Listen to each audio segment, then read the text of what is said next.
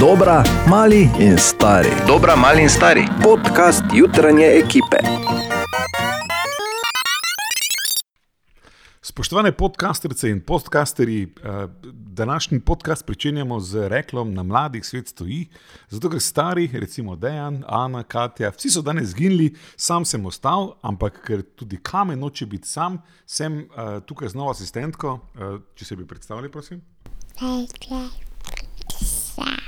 Ja, okay. Kako vam je ime? Juja, Tako. In vi ste tukaj, da bi nadomestili vse tri hkrati, ne? kati, Hkrati, ja, tako. V tednu, ki je za nami, mimo grede, zadnji, prosim. Ja, nimate več časa? Aha, ok, srečno. Evo, še ta asistentka je šla. V tednu, ki je za nami, so se odprle terase, to je eden od vrhuncev radijskega poročanja, ki ga ne smete zamuditi, pa tudi ostale stvari, vse veste. Ne glede na to, kakšni časi so, mi smo zmeraj z vami. No, vsaj jaz. Želimo dobro jutro. Dobro jutro. Dobro jutro. In dobro jutro tudi tebi, ki si morda že danes na vse zgodaj zjutraj, pri Marici, pri Azaleji, pri Štefanu, morda pri Tadeji, kot nekoč. Danes se torej tudi v naši regiji odpre, oziroma pri Marici, Azaleji, Štefanu in Tadeji morda že imajo odprto. Ali si morda tudi ti že tam, kot nekoč? Povej, kak je, na servisu 211, pošlji nam kako fotko, ali pa nas, ko jo objaviš, preprosto označi z Afna Radio City Maribor pisano skupaj. Ta moment, ta moment, ti milo. Počakali smo, čakali. Oj, da ga ne bodo zelo tako, da smo nas jemali. Zabagodu.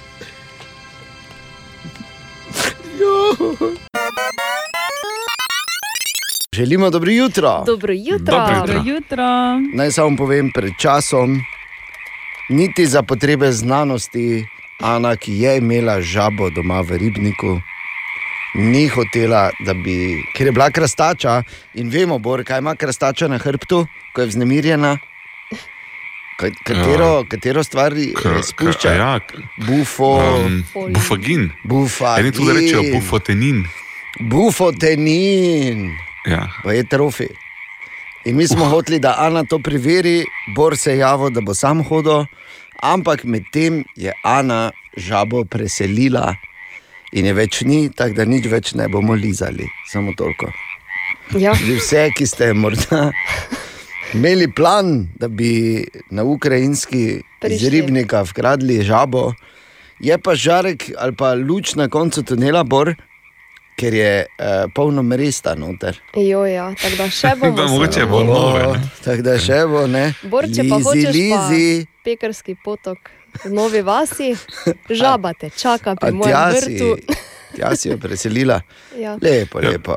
Pa, ti, Mimo grede, bufoten je tudi nevaren strup in so primeri, da ko ko so ljudje krastače pojedli, da je to tudi bilo zadnje, kaj so pojedli. Mm, lizi, Tako da. lizi. Tako da liži samo ne. Dosti je. krat, Da je tudi tako ni pravi- res odsvetoval. Dosti krat je pač, uh, veš, Bor, dosti krat je bilo pač čisto drugače. Mm. Tako da procenti so dobri, glede na to, da je recimo tisočkrat večja možnost, kot nas učijo statistike, da se ti krvni strdek pojavi zaradi kontracepcijskih tablet, kot zaradi cepljenja, pa vseeno glede tega nobene dela haloja, veš, zakaj vse smo pripravljeni tvegati ne? in kaj vse. Tako da. Pa, mogoče zdaj ne bi lizali žab, no, vse tako še bojo. Se ne bi, samo če bi. Razumeš pač, veš, ki je bor, se jaz vem, glej, le kak mu canka. Se bo, se bo, se bo zrasle. Ok, ok, dovolj, dovolj. Valjda, da ne bi kdo slučajno hodil pa žab lizo, ker ste krastačno, ne zelenkic. Tako da, krastače pa Joj, treba jih je najprej malo žgečkati, pa, pa da ne bi kdo slučajno. Prestrašiti, bolj kot žgečka. Ne strašite žabic. ok, res je. DM-ov jutranji izziv na Radio City. Ja, tako, nov teden, novi DM-ovi jutranji izzivi, ampak po vrsti.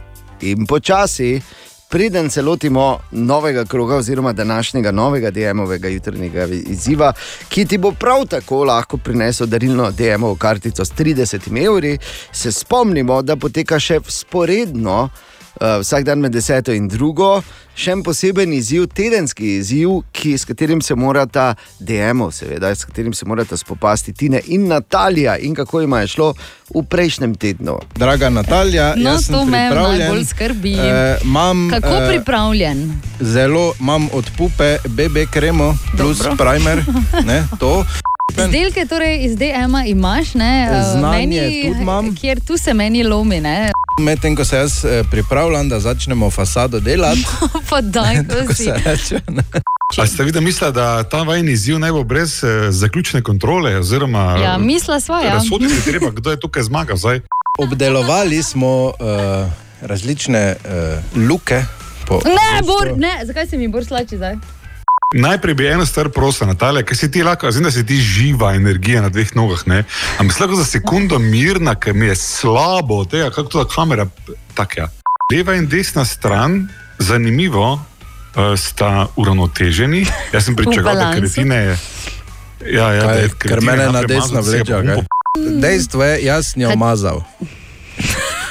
Ker sem Oba jaz zmagovalca, pričakoval, da boš ti svoje delo dosti slabše opravil, bi se s tem strinjal, da vsakemu pol točke, tako da Tako da v Še bistvu skupaj je, ima ne? opravlja izziv.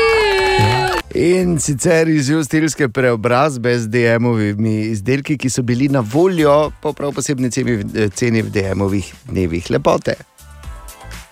kako lepo, ne? Ja, Danes pa že nova nalogica. Ker vemo, samo če štiri izpolnita, potem bo DM tudi za res doniral 2000 evrov v dobrodelne namene. Okay. Torej, kako bo šlo Tinetu in Nataliji danes po deseti, ampak mi pa smo pri našem jutranjem izzivu na naših družbenih omrežjih, na Facebooku in na Instagramu najdeš še en DM-ov izdelek, ki je, kot reče temu Katja, zablran. Ja. Nikoli ne boš uganil, kaj je prvi namik. Uh, Pa Res mislim, zato ker je druga linija. zakaj pa bi ogibal? Ja, Povej. doslej vedno prvega. Aha, torej misli, ne? dnevi lepote so zdaj. Mimo. Ana, dnevi lepote so za nami, 50 bom star prihodne leto, kaj to ni jasno. torej, No, to, to pomeni, da so za tabo, ne za nami. Ja, vsemi, tako. ne. ne caplate dolgo, vse vseeno. Okay, torej, prvi namik je, gre za DM bio izdelek. Okay. DM bio izdelek. Imaš časa do pol desetih, tako da mirno. DM. Kupujem tam, kjer nekaj velja. Katja, Borindejan, želimo dobro jutro. Dobro jutro. Dobro jutro. Dobro jutro. Oziroma, ne? danes je le oni ponedeljek, kot se reče. Uh, in hkrati, razbiti, kaj? ne, ne, Aha, se čakaj, pa se srečo, če se razbije zdaj. Ja, samo nebo se je razbilo. Drža, človek je natančen, ne? Sploh no, na taki vemo, dan, da kot je Mariboru danes. bomo danes toliko polili, kako bo druge spili. To je ta Polivamo stara pa ne šala. mor. Polivajo amateri, ne? Ja. Ja, Samo ne nalašč, ne. A, eno drugo stvar sem želel povedati, in samo kot namik, da potočim še en biser, kdorkoli je za to odgovoren pri nas. V Ameriki, recimo v nekaterih zvezdnih državah, a, oziroma ponekod, Budweiser časti bon za 5 dolarjev, če se cepiš za COVID-19. Razumeš? Ja, da je Razumeš? tek... Ja. Razumeš? Pa, Ja. mislim, če pa to, ne, potem bi se mogli špeglati. Dobro jutro. Dobro jutro. Dobro jutro. Ja, in ne pozabi, če objavljaš fotko, medtem ko si po dolgem času na kafeju, na vse zgodaj zjutraj, označi tudi nas, af na radio, City Maribor, pisano skupaj. Zakaj? skupaj delili. Pazi, pomembno, ja, pomembno zakaj, da vsi ostali, ker imamo mi vseeno več sedilcev kot ti prijateljev, lahko rečejo: Lega je bil. Šel je, spet je šel. Vsaka mu čast. Spet je šel, lega, lega je šel, kak pa on gre. Ne? Lega, ki je, lega, ki je. Kak gre on, ha? kava, ko gre. To pa je, kaj pa danes, ko ima kam id, recimo. Ne? Ja, ja, to je najboljše. Oh. Okay, zdaj, pa, zdaj pa k eni izjemno, izjemno resni temi. In sicer, včasih so v enem drugem življenju na en čisto drugačen način meni definirali prosti čas. Bor pa je tudi najstarejši rekreativec. Danes je vse je. drugače. Razen da je Bor še vedno najstarejši rekreativec. Danes se jim tudi reče drugače. Mi smo jim rekli igrice, danes pa so to e-športi. Naja. E-šport je sinonim za profesionalno in tekmovalno igranje videoiger, ki je v svetovnem merilu zelo dobro poznan. In kljub temu, da je E-športna zveza Slovenije kot krovna organizacija pri nas bila ustanovljena šele lani avgusta, je zanimanje za e-šport pri nas izjemno. Kje smo v primerjavi s svetovnim merilom, pojasnjuje Denis Kjostarov, predsednik zveze. se lahko pohvalimo. Mislim, da je Športna zveza Slovenije pred kratkim ratala članica ISF, to je svetovna globalna organizacija, se pravi International Esports Federation, in pa decembra še članov za GEF, to je pa Global Esports Federation. To so dve največje svetovne federacije oziroma zvezi, ki pokrivate področje športa globalno. Tako da se premikamo v pravi smeri, interesa je vedno več, rezultati so krasni. Morate vedeti, da nismo to startali vse skupaj avgusta, se pravi pred manj kot enim letom. Ne. V letošnjem letu so organizirali že prvo državno prvenstvo v šestih različnih videoigrah, katerega si je preko spleta ogledalo 26.500 ljudi. Organizacijo prvenstev na nacionalnem nivoju načrtujejo tudi v prihodnje, prav tako si želijo premostiti mnenje, da igranje videoiger ni pravi šport. Kar seveda pomeni, če imamo zvezo, da imamo tudi profesionalne gamerje oziroma e-športnike pri nas. Ne? V Sloveniji teh še ni veliko, a eden izmed profesionalnih igralcev igre League of Legends je 19-letni Andraš Kramer, ki je na državnem prvenstvu osvojil drugo mesto, zmagal je tudi kot član ekipe Nemške lige, igral je še v Balkanski in Norveški ligi. Kakšen trening ga čaka pred tekmovanjem? Je bolj psiholoških kot fizičnih. Moraš biti naspan, ker se veliko tekmovanj začne že do povdne ali pa že zjutraj. Pa pred igro ne smeš glih preveč pojesti, pa tudi lačen ne smeš biti. Drugač pa na turnirju se pa pripravimo še tako, da pogledamo, kaj nasprotnik igra, pa se pa še odločimo, kaj bomo mi igrali. In kaj svetuje vsem mladim bodočim igralcem? Da naj ne pustijo šole, da naj še nadaljujejo, dokler niso vsaj tako dobri, da pač dobijo že tako plačo, s katero se lahko preživljajo. Ker če zmagaš en turnir, še nič ne pomeni, da boš kaj dosegel pol naprej. Lahko druge stvari delaš vmes, če hočeš res uspeti v eni igri, moraš veliko igrati. In tu je tu bolj, kaj ne. Ok, tako da zadeva je čisto resna, ampak kot smo slišali, tudi uh, našega, enega od naših profesionalnih gamerjev, ne pusti šole in naj ne bo igranje iger uh, pomembnejše od šole. En zma, zmagan turnir še ne pomeni nič. In uh, ja, to smo, smo se naučili, ne? enkrat, če ti kaj rata, še nič ne pomeni, ne Ana in Katja. okay. Pa veliko sreče. Dobro jutro. Jutro. Na ta posebni ponedeljek, ko mnogi govorijo, ali pa čez vikend se je dalo to tudi dosti, dosti krat in dosti kje prebrati, kako so dobro naredili na Google Earth, ko so naredili timelapse zadnjih eh, slabih 40 let, kako kako so se določeni deli zemlje spremenili, koliko ledenikov je šlo in tako dalje. In hkrati tam, ko vidiš eno pikico, ki je bolj kot ne statična v zadnjih nekaj letih, bor. Ja. Pred naslednjim hitom pa je ena zgodba ene družine iz avtomobila. Se pelje družina v avtomobilu in pride ta pesem na radio, in si eh, jo pubeca začne tapet, in potem eh, oče, ker gre za relativno novo pesem, relativno. Uh, in stil, ki recimo, re, re, re, recimo, da ni niti priblizu, blizu repu z glasbeniki oziroma reperji, katerih imen si ne bi mogel zapomniti, pa, oziroma kdo si to zmišljuje vsaka čas. In potem vprašam, kako pa te to vidva, poz... mislim, ta oče vpraša, seveda. Kako pa te Ja, to ja, vidva saj. poznata? In potem ona dva nazaj uh, odgovorita, če pa je to dance v Fortniteu tudi. Ja, Želimo dobro jutro. dobro jutro. jutro. In še malo nazaj je bil v novinarski redakciji, zdaj je že na terenu, Mislim, predvidoma je na terenu, rekel je, ja. Da bo na terenu, bor. Ja, pa se, se pa je, no, ne bo taki zdaj. Poslušaj, uh, uh, to je kot Rudi Karel, veš, še malo prej v novicah, pa pa dol po stopnicah. Noben ne ve, pa kdo je. Rudi Karelbor, prestar si. Res ne, res ne. Ja. Okay. Tako vem, super šov, ker je en bil enkrat tam, pa, pa že nekje druge, tako je tak snjas, ker pred sekundo ali dve še v novicah, zdaj pa že dol po zdomnicah in v smeri svobode. Čeprav je to bolj komplicirano, kot se zdi, ker ti povem nekaj, da je eh, zunaj je A hladno, B uh, dežuje in. A, be, be, be, be, be, pravega to ne ustavi. Pa Torej. Bor in Tine gresta pregledat, ali je že kaj odprto, danes, ko je lahko. Ja, jaz sem zaenkrat sam, ne? mislim, ti ne Ja. domnevno. Verjemi, da je Glej. Tine že tam. Je? Verjemi. Previdno pa tudi, kjerkoli se že nahaja ta trenutek, Bor, mislim, da je Tine tam tudi že. Ja, In ga čuje že ne. Poznaš ono, ko ti ne pride mimo?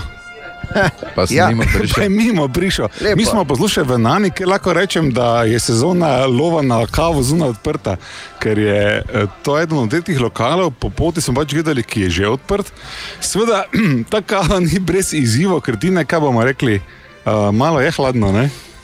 Jaz ne čutim, za me je popolnoma vseeno, če je hladno ali če sneži. mi jaz tino smo, smo, smo že naročila, ne? jaz sem naročil kavo z mlekom, ti ne pa.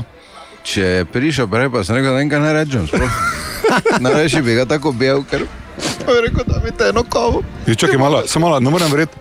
Natalija, kaj ti tu? Glej. Res, le šaljivci na delo. Ne? Mimo si prišla, ja, malo, ali kaj? mimo, ja, mimo, Ja, lepo, mimo, z dogovorom mimo. Ja. Zmenjena sta vlaka, boš kaj? Ja, Lili. En lili. Kaj, to je to šifra za pivo zjutraj? Ja, glej, pravi bojo vedeli. Ne? Aha. Jupi. Jutranje pivo, ja. okej. Ja, jupi. No, veš kaj, jupi. Ne veš, kaj je Lili, sploh ne veš. okay, tako bom rekel, danes od, ven z gostilne. vem, danes Ne, od ni, ni. 19. ure so terase zunaj odprte, očitno ne bo šlo Ne brez veš, malo kapelj deža, ampak uh, Ne veš, bo pa odkot si ti človek. postavljam se s temi besedami, da je Lili. Kaj mi kaj bi Bora bilo? ne Kaj more bi bilo? in Kaj se bi bil slišimo Lili? v bi kratkem. Je sok, ne? Oh moj Ja, o moj bog. briši ga, ven ga vrži. Iz terase ga vrži. Bor, daj, samo povej, da jupi je jutranje pivo, da ne slučajno. Okay. Torej, kot slišite, Pivo, kaj je z vama? je. Eh, Zdaj si pa glasen. Da. Ni mi dan to rekel, sam sem vedel.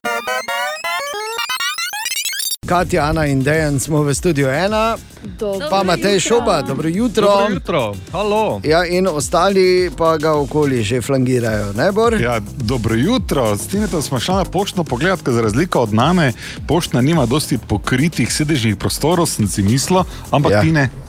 Ja, je, ne sem se Dogaja se. Tudi Ja. na poštni se dogaja. Tako da je. Huh, poštna je. To pa si nikoli Ne, pa mislil. da- Enega, eh, enega moram omeniti, ko se z biciklom mimo najpelo. Ja. Pa je tudi samo vzkliknil, kurva, sta žejna. Ker nekaj morate razumeti. Ne? Ne, to moram razložiti to sliko, preden gremo dalje. Zato, ker ti ne drži marelo, jaz sem k njemu tesno pripet, zato ker imam vso opremo za živo javljanje na hrbtu. Tako da jo ti ne zaščiti, on tudi mene malo stisne k sebi, tako smo oba pod isto marelo in zgleda. Uh, z, Pač če bi obupano. imela tigra, bi bila kot Zigfrid Undroj. Tak. Ampak Samo da nimamo tega. poglej, vseeno. Ne bom niti vprašal, kdo bi bil kdo. Je, ker en je kratko Ja, potegnil. moro iščem. Bom pa samo eno stvar povedal, nikoli si nisem mislil, da bomo tako daleč prišli, da se bo na poštni že v ponedeljek zjutraj dogajalo. Pozdravljeni, ja, kaj pa te, dobro jutro. Dobro jutro. Ja, pozdravljeni. Pozdravljeni, jutro. Katjana, Matej in Dejan smo v studiu, eh, tam zunaj pa flangirajo še ostali. Bor. A, a. Ne flangira zunaj Bor. Šli so pogledat, ker je odprto in se nekajkrat celo javili, potem pa je Tine napovedal prvo rundo in zdaj jih ni na zvezi. Kaj neki se dogaja z njimi? Ni na ključi. Mm, Ne, ne, ni, me je malo strah. 20. april, ni navaden dan, ne, ne. A, a. ne, stric, ne, stric, ni navaden dan. Danes je 20. april, dan, kitajskega jezika. Oziroma, kot, ga, oh. kot mu z našega zornega kota rečemo, samo dan, večkrat borne. Samo en primer bom dal, ko smo obhajali, pa ni bil 20. april. Tudi v Mariboru število obolelih za virusom gripe in eh, pod prehladnih obolenj za virusom gripe in eh, št- okay. Ja, tako. Ne, recimo, to je bil lep primer. Smo obhajali kitajski jezik, ki ga pravzaprav skozi. Tako da, čin čin in dobro jutro. Čin, Dobro jutro. Želimo dobro jutro. Dobro jutro. Dobro jutro. jutro. Ja, včeraj pa je bilo, oziroma ni bilo onega, oh, da ne da se mi iti noč, tako vreme kot dež. No, gremo danes. Ni tega bilo včeraj. Uh, včeraj je bilo čist drugo, res je bilo čist drugo. Že samo občutek se mi zdi, da je bil veliko bolj sproščen. In tudi mi smo ne samo že zjutraj bili prvi na kavi, mislim, eni so bili prvi na kavi, eni smo resni in odgovorni zaposleni. Tako. Uh, in ne samo to, tudi čez dan, jasno, da in smo šli malo okoli, pa vprašali. Prva pijača je fantastična, najboljše, kar se mi je zgodilo do zdaj v šestih mesecih. Ja, druge primerjave pa mislim, da bi bile neprimerne za radio. Pa vreme nas ne moti. Drugače, na novo, kot da smo prišli. Fajn je, fajn je. Piješ pa nekaj za srce, ne? Za srce, za dušo, da malo pošlata po tolkem času. Ja, prvi pir ful vsekano. Pač ni bilo tolerance, pa to čez, ne, ker smo se vsi ful držali varnostne razdalje, pa jaz nisem niti upala po pivo v trgovino, tako da to ti zaje. Pač nimam besed. Edino, kar imam za pripomniti, je, kako ste se z vremenom zmenili. Neverjetno fino, komaj smo čakali, zdaj smo dočakali. Upam, da ne bo to ti testni teden, samo en teden državno. Pa še In da ne bi kdo mislil, da smo samo šovinistično eh, izbirali sogovornice, ne, stara Dunajska šola, najprej dame in potem gospodje. Jaz moram reči, da paše. Ne? Na svežem zraku pivo bolj tekne, še posebej, če je točeno.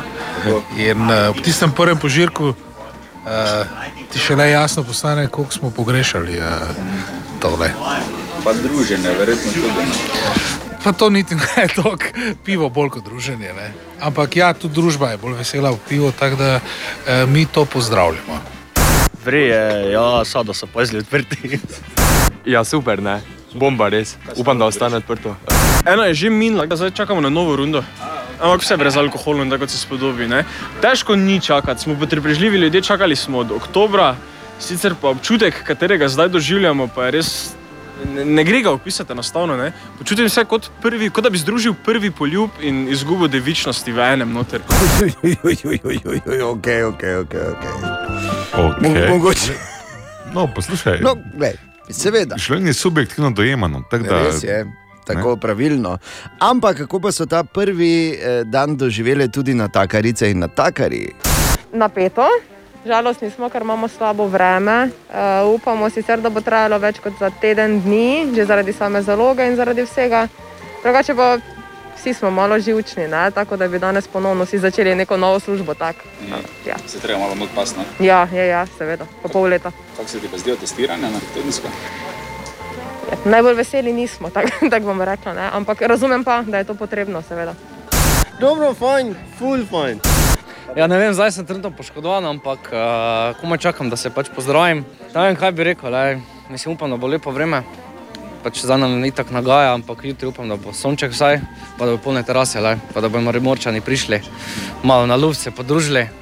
Roko imaš poškodovano, bo si vseeno prišel delati. Mm, Pomagati, le. Pač, ker se jaz taki, le, mislim, šefica me tudi prosila, pa to, če bi nove malo, veš kaj mislim, ker itak rabi izobraževanje, pa to jaz pa sem, bom rekel, stari gostinc. Tako da pač neka podpora, le. Uh, zanimivo, rečemo temu. E, fajn je, upam, da se bomo spustili, upam, da se bomo držali, pa da še nas e, nasled, vsakim tednom več eh, bolj sproščajo. Mm -hmm. Upam. No, da bo Pa tako. sodelavci. Uh, malo, ne, ne, ne, ne, smo dobra ekipa, uh, ekipa, ki smo ostali skupaj v slabem in dobrem, in tako da smo se kar uh, dobro znašli. Odlično, torej začelo se je spet, da bi le držalo, da bi bilo odprto. Vreme pa danes še bolj tak, jutri pa je Katja rekla sonce. Do Čez vikend do 30 celo. S 35. Ok, ok, ok, pretiravam. Web, web, web check. Torej, kaj pišejo, Katja? Brian Johnson, pevec skupine ACDC, je s tweetom napovedal svojo prvo avtobiografijo. Yes. Ja. S tweetom. Mimo grede na YouTubu je en kup enih zanimivih uh, dokumentarnih filmčkov, ki jih je posnel in se srečal s številnimi uh, prijatelji, glasbeniki. Eh, Jasno, da gre za same težko kategornike. Ne? In Ja. zanimive intervjuje je posnel Brian. okay. A, Demi Lovato se pritožujem, da so imeli v eni od prodajaln z mrznje- z mrznjenim jogurtom preveliko izbiro jogurta brez sladkorja. To se ji zdi žaljivo, saj ona želi s cukrom. Dajte ženski cukor. Ja, res prosim. Ja, kaj je to? Jaz samo ne vem, zakaj, mislim, pa bi šla v drugo trgovino. Framo pri lipi imajo ziger s cukrom. Potem recimo uh, Lizo je pisala Krisu Evansu, torej gospodu Captainu Amerika. Tako, Captain America. se je rahlo nacukala Ja, in uh, potem je odpisal, in zdaj je to uh, celi posnetki tega. in, Kaj sta vem, si ona dva pisala? Ona. V bistvu je samo napisal, da je vse v redu, pač, da se je on tudi že napil, pa da je pač nekaj naredil. Ampak ok. ona pa vztraja. Ne? Ona, ja, Najslabše, kar lahko take. narediš, je, da v takem stanju karkoli napišeš. To nikoli ne smeš. Nikoli. Ja, res je. Nikoli. Vrži telefon raje čez okno. Res je. Zelo zanimive novice, še imaš kaj, Katja? Ker eno bi Imam še pa čul. Eno, ja, Facebook eh, ponovno na veliko kopira druge aplikacije, tokrat Clubhouse. Mhm. Že preizkušajo namreč te audio sobe, eh, v Mhm. katerih naj bi potekali pogovori, in do poletja naj bi bile na voljo čisto vsem uporabnikom Facebooka. Lepo. Te pa ne ja. bojo preprosto naredili, da bojo kupili za milijardo pa pol, tako kot običajno delajo. Je to dela Microsoft. Oni A, kradejo. pardon, a ja, joj. Facebook krade. A ja, ok. Vse ne vem, kdo je, kdo je boljši zdaj. Ne? 17 Noben. minut, že 6, točno to. Web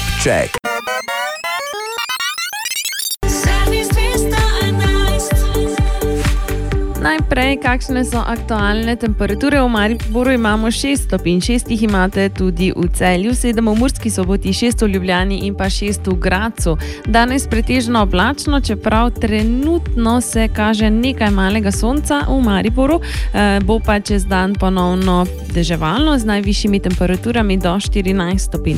Pretežno jasno potem jutri do 18 stopinj in še so možne posamezne plohe čez A, dan. opa, Več pardon, kaj to se je čulo zdaj? Ja. To je zdaj Nekaj- za jutri, kaj nekaj se bo nekaj Jakovo, lepo testiral. vreme. Nekaj sem testiral, ampak ja, glej. Povej vreme, Katja. Vreme. Zdaj pa, zdaj pa Do daj. 18 stopinj. Ne, ne, ne, ne, ne, ne. Aj, aj, aj, aj, aj, aj, aj. čuti, čuti ozadje. Do- Jutri Tako. do 18 Ah, stopinj tako. ob jasnem vremenu. Uh, objasne osem. Pije, pije, pije, pije. Kaka, kaka, kaka. Pač tam, ne narišemo sliko. Kaj vam vprašam, kaj dela vrana? Kanja, boj. kanja. Kanja, bila. kanja kroži, ne gori. Luther Vendros, torej, ki bi danes bil star 70 let s hitom Power of Love, Love Power, želim, da bi bil star 70 let. Tako, smo razumeli. Ne na zadnje je danes Ja, dan kitajskega točno. jezika. Vse smo razumeli. Dobrodošli v nov dan. Moji odpadki, moja skrb, tako smo rekli. In prvič, prejšnjo soboto, šli v akcijo tudi v našem mestu, na desnem bregu. Je tekla ta velika eh, čistilna akcija eh, Mariborske občine oziroma našega mesta, naslednjo soboto še na levem. In kak je bilo na desnem bregu, Bor? Imamo že vse Ba, informacije. Moram povedati, da ne povsem brez uspeha. Na desnem bregu Drave smo počistili 3 tone mešanih odpadkov, nekaj več kot 4 tone zelenega obreza, torej to, kar se pač odveje in Mhm. poreže. Zbrali smo tudi več kot 2 toni kosovnih odpadkov, sam osebno dve pločevinki. Na desnem no, bregu? otroka smo s sabo, se ne moreš zdaj basati noter ven. Na desnem bregu ste bili? Na desnem bregu, ja. Ste šli na Gremo desni včasih breg? do Magdalenskega parka, pa je tam ena ruta, kjer a, vidim, da so ta odlagališča pločevink kar a, popularna stvar. Ja, ja. In si pomagal, bravo, Bor. Bravo, Bor in bravo vsi, ki ste se Ne šli gre za to, da zbereš eno tono, gre da narediš svoje. Res je. Že če bi vsak za sabo pospravil, bi bilo to lepše. Ne? Absolutno ne bi imeli teh težav. No, ampak, eh, ko govorimo o onesnaževanju, kaj pa če recimo primerjamo malo narode in države po svetu? Naja. Če primerjamo narode po svetu glede na osnaževanje, ugotovimo, da med največje onesnaževalce sodi Azija. Kitajska, na primer, kot največja država po številu prebivalstva na svetu, proizvede največ smeti, prav tako ima najbolj onesnažen zrak, saj je največja porabnica in proizvajalka premoga, zrak onesnažujejo tudi s prekomerno uporabo pesticidov. V skupino najbolj onesnaženih držav spada še Indija s prestolnico New Delhi, kjer se nahaja tako imenovani Garbage Everest, kup smeti, ki je enak površini 40 nogometnih igrišč in je visok kar 70 metrov. V evrazijskih državah je največji onesnaževalec industrija, v Ukrajini in Belorusiji pa se še vedno spopadajo z jedrskim onesnaževanjem, ki ga je povzročila černobilska nesreča. Ameriška celina je razdeljena, bolj onesnažen je južni del. Tam največji problem predstavlja eutrofikacija, onesnaževanje z odpadnimi vodami, ki je povzročila mrtvo območje Mehiškega zaliva, tam življenje ne uspeva. Kakšno je stanje glede splošne onesnaženosti v Afriki, ni znano, vesele, da se tam spopadajo z onesnaženostjo zraka, ki ga po večini povzročajo nekvalitetna goriva. V Evropi se sicer lahko pohvalimo z najčistejšimi mesti, evropske države pa po večini sodijo na vrh najčistejših držav. A med najbolj onesnažene spadata Poljska, ki smeti uvaža zaradi predelave, ter Albanija. Ja. Zdaj, Nismo. La, lahko bi tu imel ven tako eno besedo uh, spodbude, pa si misliš, kako smo mi dobri, gledaj, kako so oni vsi slabi. Ne, ne, ne, ne. ne. Oni so samo spredaj, mi gremo za njimi, teda treba je face paziti. Ja, face bremzat. In tudi Bremzaj. to soboto ne pozabi, če smo že po desnem šli, gremo pa to soboto še po levem bregu Drave v naši veliki čistilni akciji, katere slogan je eh, še naprej moji odpadki, moja skrb. Želimo dobro jutro. Dobro jutro. Dobro jutro. In uh, včeraj smo fullos govorili o, in ne samo mi, povsod je bila to ena od glavnih tem, se pravi ta dvanajsterica teh, ki se želijo cepiti v futbalu in so poskrbeli za verjetno največjo schizmo v nogometu v zgodovini. Um, In jaz sem eh, med drugim povedal, eh, da zgleda, da bom moral začeti navijati za Bayern, da ne bom imel druge. Ne? Dal sem Mhm. seveda uh, še opcijo Le Havre, ne? ampak to več noben ni slišal, ker sem včeraj, reci in piši, dobil kar nekaj povabil, da bi skupaj zapili ta Štern de Zudens. Nisem vedel, da je toliko ljubiteljev oziroma navijačev Bajerna iz Minhna v našem mestu in širše, ker jaz sem poznal samo Tineta, v bistvu. Ne? In uh, bi se vsem zahvalil za eh, besede spodbude, hm, celo za povabila, razno razna, ki sem jih dobil. Res bi rekel, hvala lepa, ampak eh, mogoče vseeno, kot se rekel, še, še nisem tako daleč, da bi skupaj zapeli Štern de Zudens. Si pa že besedilo dol potegnil. Ja, no, oh, kaj si nor, ja, Ja, te poznam vidiš, to pesem, pazi. Se, mislim, moram reči, da ko se menimo o uradnih pesmih, ne, oziroma o himnah, je ta ena od uh, boljših. Ne? Veš, da je to obala.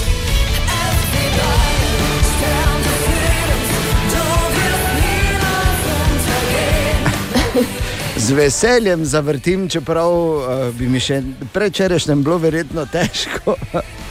Ampak zdaj pa res veseljem, ker je Bayern eden od tistih, ki so rekli ne temu, temu groznemu projektu, ki bo torej, zavedno uh, spremenil futbol, če bo ostal tak.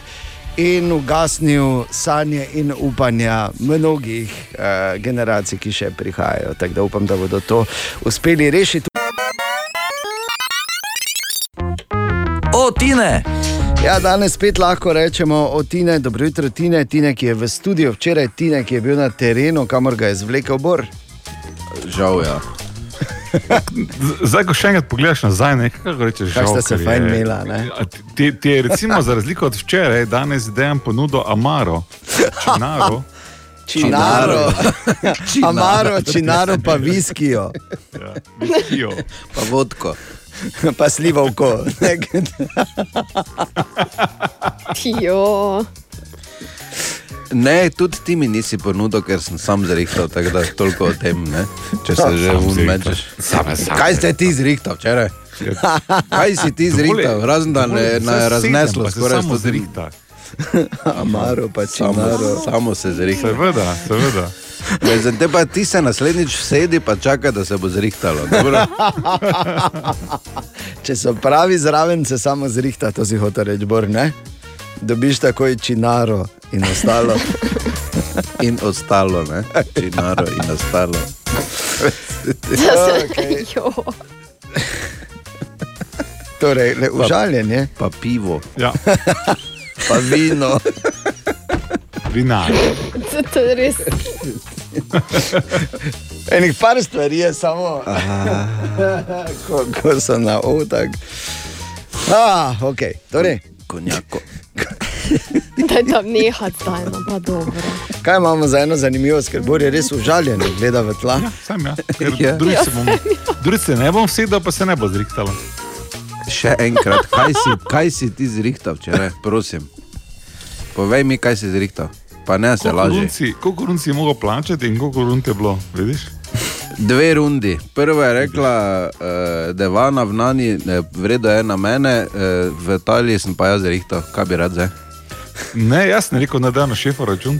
Ja, pa kdo pa, kdo, pa- kdo pa je, kdo pa ti je je naročil? šefu rekel, kdo, Kdo pa ti je naročil? In kdo te je resno vzel? Eh, Vumpo s nami, Ana. M- šef Bor je rekel. Zdaj Samo od sebe. okay. Bor ostani doma, raj. Kaj pa imamo za en? Ja, to pa si ga zdaj res. Je.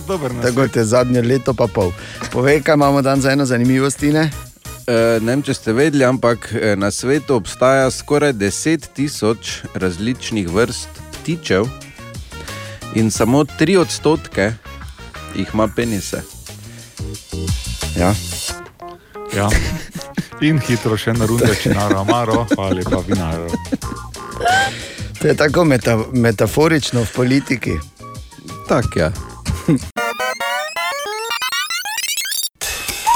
Aha, aha, aha, aha, aha, aha, aha efekt. In Bor odgovarja na vprašanje Lučke, ki jo zanima, ali je orka podvrsta kita ali delfina.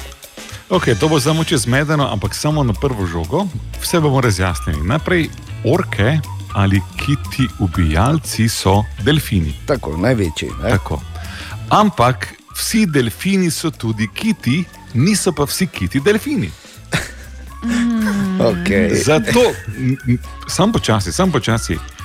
Zato, ker so delfini pravzaprav podvrsta kita. A, tako, tako, tako. Tako da so eno pa drugo. Ja, ne. Delfin je kit, pa delfin. Kit pa ne more biti delfin. Ne, In tako torej, je orka. je delfin pa kit. Tako, Seveda. orka je oboje. Pa, glede na to, če povlečemo sporednico s kakimi drugimi vrstami, ne samo, da, ne samo, da, je, uh, da je orka to tako velika, pa vse, ne, da je to največji delfin, kaj pa njene barve, kaj pa njene barve, ziger ima ful dobro mleko. Ker si mentalke, ne, so tudi črno-bele. Ali tudi vi pogosto totavate v temi? Aha efekt, da boste vedeli več. Tako, zdaj pa je čas za resno debato. Naš el primo novinar Matej Šoba, dobro jutro. Dobro jutro. Dobro jutro. Matej. Kam s Halo. takim veseljem? Ja, res je. Zadeva je pa ne? resna. Eh, Superliga, ne? Aha, Evropska superliga. Ja, zadeva je, eh, kot kaže, resna. Sprva sem imel včeraj občutek, da je mogoče to malo šov za javnost, ampak glede na to, kar je včeraj predsednik UEFA Čeferin izjavil v zvezi z posamezniki, Ja, ki so kačah, ne? del te. ja, Del te schizme, em, oziroma ki so povzročili ta razkol v svetovnem nogometu, se mi zdi, da več eh, poti nazaj tukaj ni z obeh strani, čeprav, seveda, Možno je tudi, ne? nič ni nemogočega, še posebej v eh, svetu nogometa. Ne? Ampak eh, dejstvo pa je, da se je eh, stvar zelo polarizirala, čeprav polarizirala ne čisto 50-50, kajti mislim, da so simpatije pa v tem eh, pogledu bolj na strani UEFA, oziroma bolje rečeno na strani nogometa, no kot športa, kajti vseeno ta eh, ameriški poslovni športni model, ko nihče ne izpade, nihče, v bistvu non-stop igrajo eni in isti skupaj mm. med sabo in tako naprej. In seveda gre samo za eh, veliko denarja in marketinških eh, eh, kolačev, ki pripadajo vsakemu udeležencu, in da gre za nek zaprt sistem. To seveda je nekaj, kar eh, nam, evropejcem, ni tako blizu. Ne? Smo vseeno mm. raje imamo ta del tekmovanja, ko lahko tudi kakšen outsider eh, se prebije naprej, ne, tako kot eh, se v zadnjih letih vedno znova dogaja. Ne. In recimo en tak eh, zanimiv primer je bil eh, včeraj, sem prebral en, eno izjavo Staleja Solbakna, ki je zelo znan trener v Skandinaviji, rekel, ja. da recimo Tottenham in Arsenal nista niti med 20 do 30 najboljših klubov v Evropi ta trenutek, pa sta čla, ustanovna člana te 12-terice. Ali pa da imamo, Juventus je v zadnjih treh letih izpadel proti Lyonu, Ajaxu in pa Portu, kaj ima on govoriti tukaj zraven. Um, ja. To je recimo en tak eh, citat. Sveda, na drugi strani je dejstvo, da na mesto 260 milijonov bi dobili 400 milijonov ti klubi in pa igrali manj tekem, kar seveda tudi ni za eh, izuzetje vsem skupaj. No. Uh, en izmed tistih, ki je bil zagovornik tega, da bi bilo manj tekem v Evropi, je recimo tudi Jürgen Klopp. Ampak, ko pa je bil včeraj vprašan na Skaju, kaj pa si misli o uh, tem, da bi se ustanovila Evropska superliga, je pa bil odločen, da se mu ne zdi to ne vem kako dobra ideja. I have obviously no issues with the Champions League. I, I like the competitive um, factor of football as well. The most important parts of a football are the supporters and the team, and we have to make sure we have to make sure that there's no that, that really nothing gets in between that. In uh, ta uh, vidik, ki ga je izpostavil Klop na koncu, torej, da najpomembnejši del nogometa so ekipe in njihovi navijači, in da če bi karkoli prišlo med ti dve uh, uh, skupini, recimo, ki sta najbolj pomembni, uh, imamo pa velik problem. In mislim, da se to ravno kar dogaja, predvsem v teh tradicionalnih angliških klubih je revolt med navijači kar precejšen. Bi pa samo rekel eno stvar, Matej, da sicer ja, da je to ta romantični pogled na svet futbola, ampak če je kaj pokazala, pokazala ta.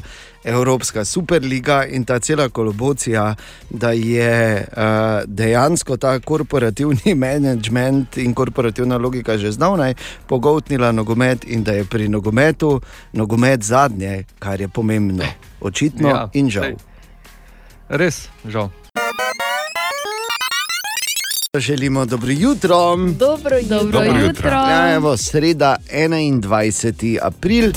Uh, včeraj sem prebral eno zelo zanimivo misel, ki pravi, da je najlažji način, da zmagaš pri piru ta, da postavljaš vprašanja in zato moški nikoli ne zmagamo v prepiru. Želimo dobro jutro. Dobro, dobro jutro. jutro. E, ne, ne, ne pozabi, da smo pred časom povedali, da ob sredah imajo skandinavci v bistvu malo soboto. Točno. Se spomnimo to? Normalno. Je, smo rekli, da oni se lepo ob sredah dobijo, kaj spečejo, mislim, ni nujno, ali pa jedo te neke ribje kekse ali karkoli Ne, že. ribja župa. Jaz se razumem, ribje kekse se vseeno. In uh, kaj popijejo, se poveselijo, in uh, je tako lažje, sredi tedna. Tradicija, ki velja slediti v skladu, seveda, z vsemi varnostnimi. Ne? Vsi smo mi mehurček, če me razumeš. Na začetku. okay, v vsakem primeru pa uh, upam, da se bodo kmalo odprli tudi kinematografi ali kdo pogreša to, da bi šel v, v kino gledati kakšen film. Ja, Ja, seveda. Absolutno. Tako, ko so bili skozi odprte, odprte kinodvorane, pa si šel samo vsake toliko, pa je, je bilo tako, ja, ok, se pa te ne. Ampak vseeno ni isto, če ti nekaj doma uh, gledaš v tisti svoj televizor ali pa greš v kinematografe. In uh, ogromno enih super filmov se napoveduje, ko sem pa gledal malo seznam, pa sem se tudi zamislil. In glede na to, da in meni se zdi to prav, da ne bo kdo razumel na robe. Meni se zdi absolutno prav, da se uh, da, da, da padajo neke uh, prevlade določenih, bodi si.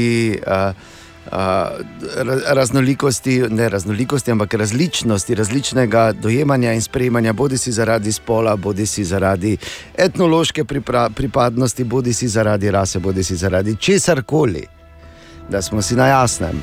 Ampak uh, to, kar pa zdaj počnejo, ne, pazi med filmi, ki prihajajo, so tudi Spider-Gwen, dejansko, ki govori o Spider-Manki pa She-Hulk in pa Iron Man 4, The Rise of Morgan Stark. In zdaj še enkrat, da ne bo kdo na robe razumel, pa katera na robe razumela. Jaz sem zato, da, da so same ženske superjunakine, naj bojo, absolutno ne na robe razumeti. Sam se jim pa zdi, da zdaj pa res silijo. In ko na silo nekaj delaš, lahko ima nasprotni učinek za lahkoto. Tako da, kaj če bi to samo tako navržem, tako tak, tak bo vseeno tam v Hollywoodu. Ampak kaj če bi se držali enakosti, dali ženskam uh, pozornost in prostor, ki si ga zaslužijo in potrebujejo, enako velja z denarjem. Ampak kaj če to ne bi delali na silo, ker izpadete še večji osli, kot ste bili do zdaj, ko ste jih ignorirali. Samo to sem hotel povedati. Imam plus pike, Katjana? Da, tam pol. Da, ima ti vsaka pol. Da, ima ti pol, ja. Pol! Vsaka pol pa ima še eno. Pol! Vsak začetek je težki. No, ok. Pa je že kdaj kdo odpustil v sredo zjutraj? Web, web, web, web check. Kaj pišejo, Katja, okoli? Taylor Swift ima za sabo popolno leto, kar se tiče glasbenih dosežkov, in sicer postala je prva glasbenica, ki je v enem letu imela na prvem mestu kar tri albume. Noro. Wow. To je res Ja. ja. vrhunsko, v bistvu. Tako da, Taylor, kolmi. In čestitamo. Tako. Ne moremo mimo Lizo, ki ga spet hara. In uh, sicer. Lizo. Ja, Pevka glasbenica. Ne veš, katera No. je? Tu sem šmiza, ne, pred tega, pardon. Okay. Ne, morate pa vedeti, da so tako svoj čas Bora klicali. Čuj, kaj Liza, prije Lizo. danes. Kite Liza hodi. V glavnem, eh, ponovno ga hara z golo fotografijo na Instagramu. In sicer z njo je naznanila, da bo sodelovala eh, v eni od DEM, oziroma v eni od DAF eh, No, kampanj. kaj zdaj? Am, DAF kampanji. Aha, ok. A, ampak je pač pomembno to, da je fotografija na Instagramu gola. I- In jaz bom zdaj dovolj nora, da bom šla to gledati. Ja. Ne, ne bo še. Dina, verjetno. boljše, Okay. da ne. In pa po novem si lahko kupiš inteligentno seks lutko. Nismo to Ima- od nekdaj že lahko. Ne ta govori. Mislim, Pa dobro, da je. bistvu ima konkretno mnenje o tem, kako neumno je človeštvo, Aha, saj je v bistvu edina rasa, ki sama sebi uničuje prostor, kjer živi. absolutno. To rabiš, ne? da ti še moralizira malo zraven. No, Spet, kaj nismo to od nekdaj imeli. Web check. Eno stvar sem pozabil in se zdaj cel čas razmišljal, pa to je neverjetno, kako te lahko sprogramirajo. Ko sem prej rekel, bi kdo še eno kavo, samo si jo sam naredi, sem seveda pozabil, da so spet vsaj vrtovi odprti. In da si ne rabiš sam kuhati. In da, je, in da je mimo tisti čas, ko je bil zdaj zadnjega pol leta, ko si imel tako kavo, pa si hodil po mestu, pa si se malo počutil tako, malo ti je bilo nerodno. Skoraj kot da imaš gančo, prižgano, pa da hodiš tako je bilo s kafejem. Tako da, ne, ti časi so mimo, lahko ti kelnerca skuha ali pa kelner, jaz. Huh, to sem hotel povedati, zdaj pa dalje. Želimo dobro jutro. Dobro jutro. Dobro Dobro jutro. jutro. In eh, prosim, potrudi se, čeprav vem, da je težko v časih, v katerih živimo in situaciji, v kateri smo. Se zdi, da smo tako kot uh, tisti, veš, ko grejo gledati snemanje sitkoma, pa sedijo v, v uh, občinstvu in pol se prižge lučka in se smejijo, in pol se prižge lučka in ploskajo, pa spet lučka, pa se smejijo, pa spet. V bistvu sem zdaj, se, sem zdaj pomislil, da ne bi bilo slabo biti ta semafor. Karkoli narediš. In hop, dovolj sem rekel, in spet. In Bor je prišel mimo. To je glej- odobravanje. In glej, ja, to, to. ja, in glejte, kam je oblečeno. Veš, Tako pač to je neskončno možnosti je. Ne? Katja, Ana, Borin, Dejan, želimo dobro jutro. Dobro jutro. Dobro jutro. A, res da je danes sreda, ampak 1, 2, 3 bo tu vikend. Pazi, 1, 2, 3. The weekend. Save your tears. Dobro jutro. Dobro jutro. Dobro jutro. Želimo dobro jutro. Dobro jutro. Dobro jutro. Kako pa mi delamo v vesolju, mislim ljudi, ne, ne zdaj mi. mi. Mi bolj malo delamo. Dobro, čeprav, če vzamemo drug zorni kot smo tudi mi vesoljci in je zemlja v vesolju in ne, delamo mi po vesolju. Ampak eh, dejansko je NASA prvič, par dni nazaj, to ste zagotovo prebrali, štartala, oziroma je tam poletel njen dron in potem tudi pristal, kar je zgodovinsko. Ne? Nikoli se še ni zgodilo, da bi na kakem tujem planetu kako naše plovilo poletelo in potem spet pristalo. Razen takrat, ko smo bili v ljudskem vrtu, pa je en z dronom leto, ko še ni bilo Eh. tako znano. Gor. Samo ni pristal. glej, vesolca. pa ga vidno, no. ja, seveda. Tako so rekli, ja. in potem dali full kazni, Mariboru. Ne? To je bilo res dobro. Ja, se Ful bilo dobro. Odlično je bilo. Ja.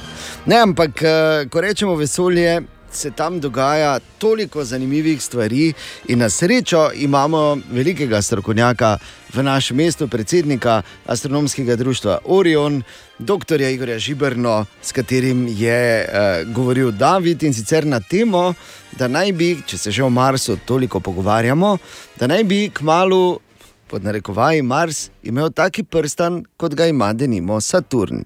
Je tako, David? Ja, ustvaril pa naj bi se zaradi tega, ker bo razneslo njegovo luno Phobos. Obstaja namreč ena stvar, reče se je Roševa meja in če se luna planeta giblje pod hitrostjo te meje, to pomeni, da se približuje matičnemu planetu, razlaga Igor Žiberna iz astronomskega društva Orion. Zdaj, če Luna, ne, torej, ki kroži okoli matičnega planeta, nima dovolj velike hitrosti, se pravi, če ima nekoliko manjšo hitrost, kot je ta hitrost, ki zagotavlja stabilno krožnico, potem se ta Luna počasi, počasi približuje matičnemu planetu. No, in tudi tukaj ne, torej, se bi utegnilo zgoditi, ne, da bi recimo Luna torej, prišla ne, torej, na to roševo eh, mejo in preprosto zaradi močnih plimskih sil razpadla. No, in nekateri znaki že kažejo, torej, da se nekaj takega dogaja. V enem stoletju se razdalja do Marsa zmanjša za 9 metrov in teoretično, potem ko se Luna preveč približa in jo raznese, bi se lahko prašni delci oblikovali v prstan okoli tega planeta. Je pa res, da časovni okviri so ogromni za naše pojme. Stroka ocenjuje, da bi lahko to bilo najhitreje čez 25 milijonov let. Če kdo bo to bolj doživel, ne, ne bi kazano očitno. Ampak to seveda ponuja vprašanje samo po sebi, kaj pa naša luna. Bo tudi naša luna nekoč prstan okoli Zemlje? Ne, ne, naša Luna pa ima tendenco, da en dan odvrči nekam v vesolje, ampak ta dan se bo tudi zgodil daleč, daleč v prihodnost. 3 cm naj bi vsako leto bila Luna bolj oddaljena od nas, kar pomeni, da je Luna V preteklosti je bila večja, ne, torej njeno zorno polje danes je tam okoli pol stopinje. Nekateri domnevajo, ne, torej, da je zorno polje bilo torej takrat, ko je, bila, ko je Luna nastala in bila bliže Zemlji, recimo kar nekaj stopinj, tam okoli 6 stopinj, kar pomeni, da so noči recimo v času polne Lune bile bistveno, bistveno bolj svetle. Torej, Zemlja v kratkem ne bo dobila prsta, Mars pa bi lahko postal peti planet v našem domačem osončju z njim. Imajo ga namreč že eh, vsem dobro znani Saturn, ki ima seveda najlepše, Uran, Neptun in pa tudi Jupiter, za katerega marsikdo sploh ne ve, da jih ima, čeprav jih je Voyager 1 odkril že leta 79, so pa seveda manj očitni, manj opazni. Manj očitni, manj opazni. Tako prstani ne, marsikje, recimo na poštni, včasih v petek zvečer. Ne, ampak eh, bre- brez heca je uh, zelo zanimivo, ampak na srečo, kot smo rekli, samo mirno. 25 milijonov let, da se bo to zgodilo na Marsu, in približno toliko, ko bo naša, naša Luna rekla: Držite se, pubeci, grem jaz, adijo. Dobro jutro. Dobro Dobro jutro. jutro. Dobro jutro. E, dobro jutro. Nekdo me je par dni nazaj nasmejal od srca, ko me je vprašal, čuješ, kaj ti delaš z bitcoini?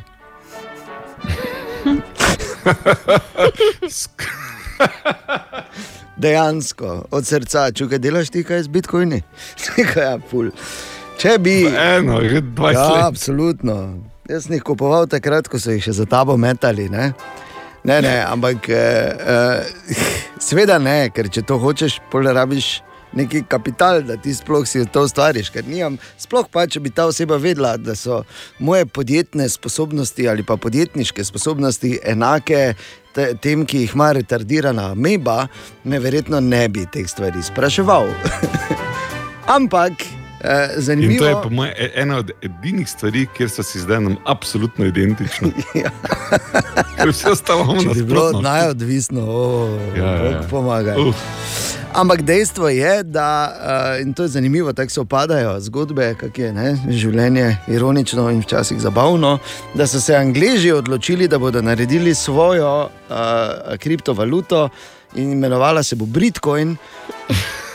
No, če pa res, ne bo Bitcoin, ampak bo Bitcoin, kar je Wow. super in uh, še en korak.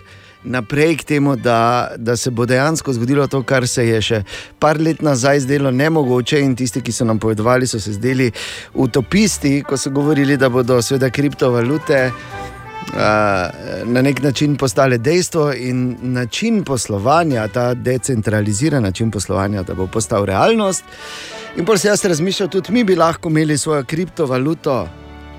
Pa sem tako si jih pisal, pa sem si napisal Borcoin. Hodil sem zdaj reči, še kot Borcoin. Borcoin, za ne, to že imamo zasedeno, dalje išče imena.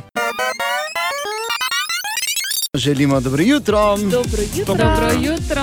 In jaz bi posebno dobro jutro zaželel odgovornim in vodilnim v Superligi, ki so se izkazali za eno od bolj premišljenih in dobro organiziranih nogometnih lig, ker po 24 urah jih je bilo, najprej jih je bilo 12, zdaj jih je še samo 6, moralo pa bi jih biti 20. Super, ne? Ja, dobesedno, super. Res dobro. O, Tine! Tine, dobro jutro. Dobro jutro. O, Tine. Kje si, oh. so trpin? Kaj? So Ja, iz patrulje, ne? Kaj pa mi se. Ful sta trpela, res sta trpela. Trpel je samo en. To je tako, da sta zdaj bila. Ja, ne vem, no, kdaj, si pa ti bil nazaj na terenu, da veš, da je terensko bilo lahko. Aha. Zdaj smo jaz, včeraj. Samo res. Coin.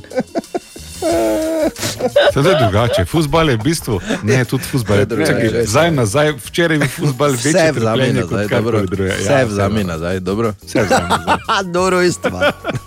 Pa Ja. do četrtega razreda, vzami vse nazaj. Ali pa vsaj do sedmi zjutraj. danes. okay. Tine, Veš kaj je zanimivo, da samo ženske kličejo za radare. Hecno, ne? Ker dede so vse dubli, verjetno. Ali pa sta uvodna dva dneva odprtih vrtov bila Malo močna. malo močnejša. Ja. Kaj se smeješ, Bor? Kaj si kuhal? Kuhaš ti? Ha? Zakaj bi? a Ja. Kam imaš kuhanje? Joj, pa. Pa se ponoseš, Pa se lataš, pa selfije. lataš? Pa selfije delaš? A tu si se našel? Ja, čoj. Lepo, da si se, lepo, da si razumel. No, to. Res je, mogoče malo interno za vse ostale, ampak ala ti vera, res. Hvala lepa. E, to je, to, Veš kaj, Ni lahko presenetiti sodelavca po 25 letih. res ne, res, pa res. tebi to uspeva na, Vsak, ja. na, Na dnevni Na bazi. dnevni pa- bazi. to je dosežek, Neverjetno no. lahko to. Ja, ja, ja. Okay, Tine, kaj imamo danes za eno zanimivost? E, leta dva, Čakaj, ustavi, te- si lahko nos obrišeš, pet greš dalje, sam prosim. Viš, ko si konjko največ, da moraš Ja, nehati. ne. res je. Vidiš, ne, četrtem razredu bi Zato pa, zato pa tako kot je Šalca rekel, ne, da nisi v krogu, niti v imeniku našem več. torej, eh, 16. augusta leta 2013 eh, Google ni bil dosegljiv 5 minut, nekaj je crkveno. Pa je globalni internet padel za 40 odstotkov. Kaj si ti, no? Si moraš misliti. Ja. Pol manj ljudi je bilo na internetu, ker ni moglo na Google. Te veš, kaj Google pomeni. Da se ne menimo, kak je bil bolj razočaran teh pet minut. Da je kar skuhat, če nekaj. Nekaj, ja.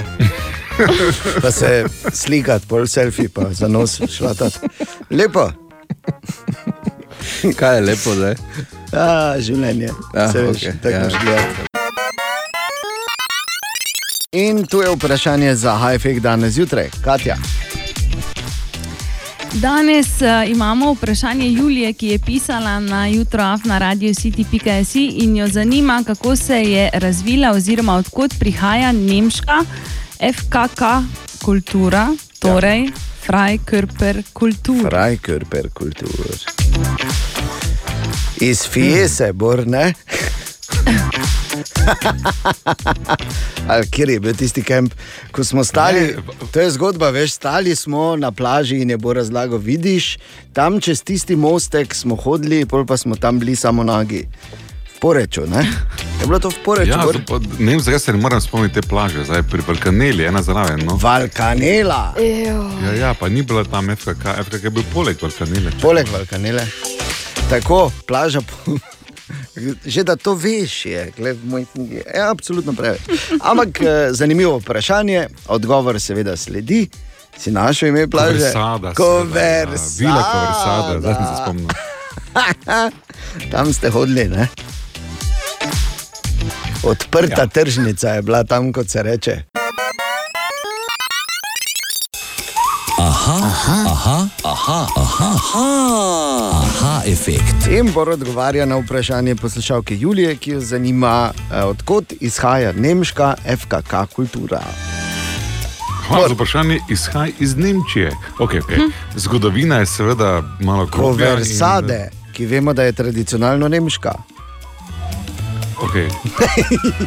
Pardon. Izvoli. Počasi, dejan. Ja, okej. Vsi se bomo slikli zdaj, ampak ne bomo na se. temo. Ja, ja, ja. V mnogih eh, delih Evrope je še do 18. stoletja veljalo, da ni nič nenavadnega, da so ljudje bili v reki in se kopali nagi.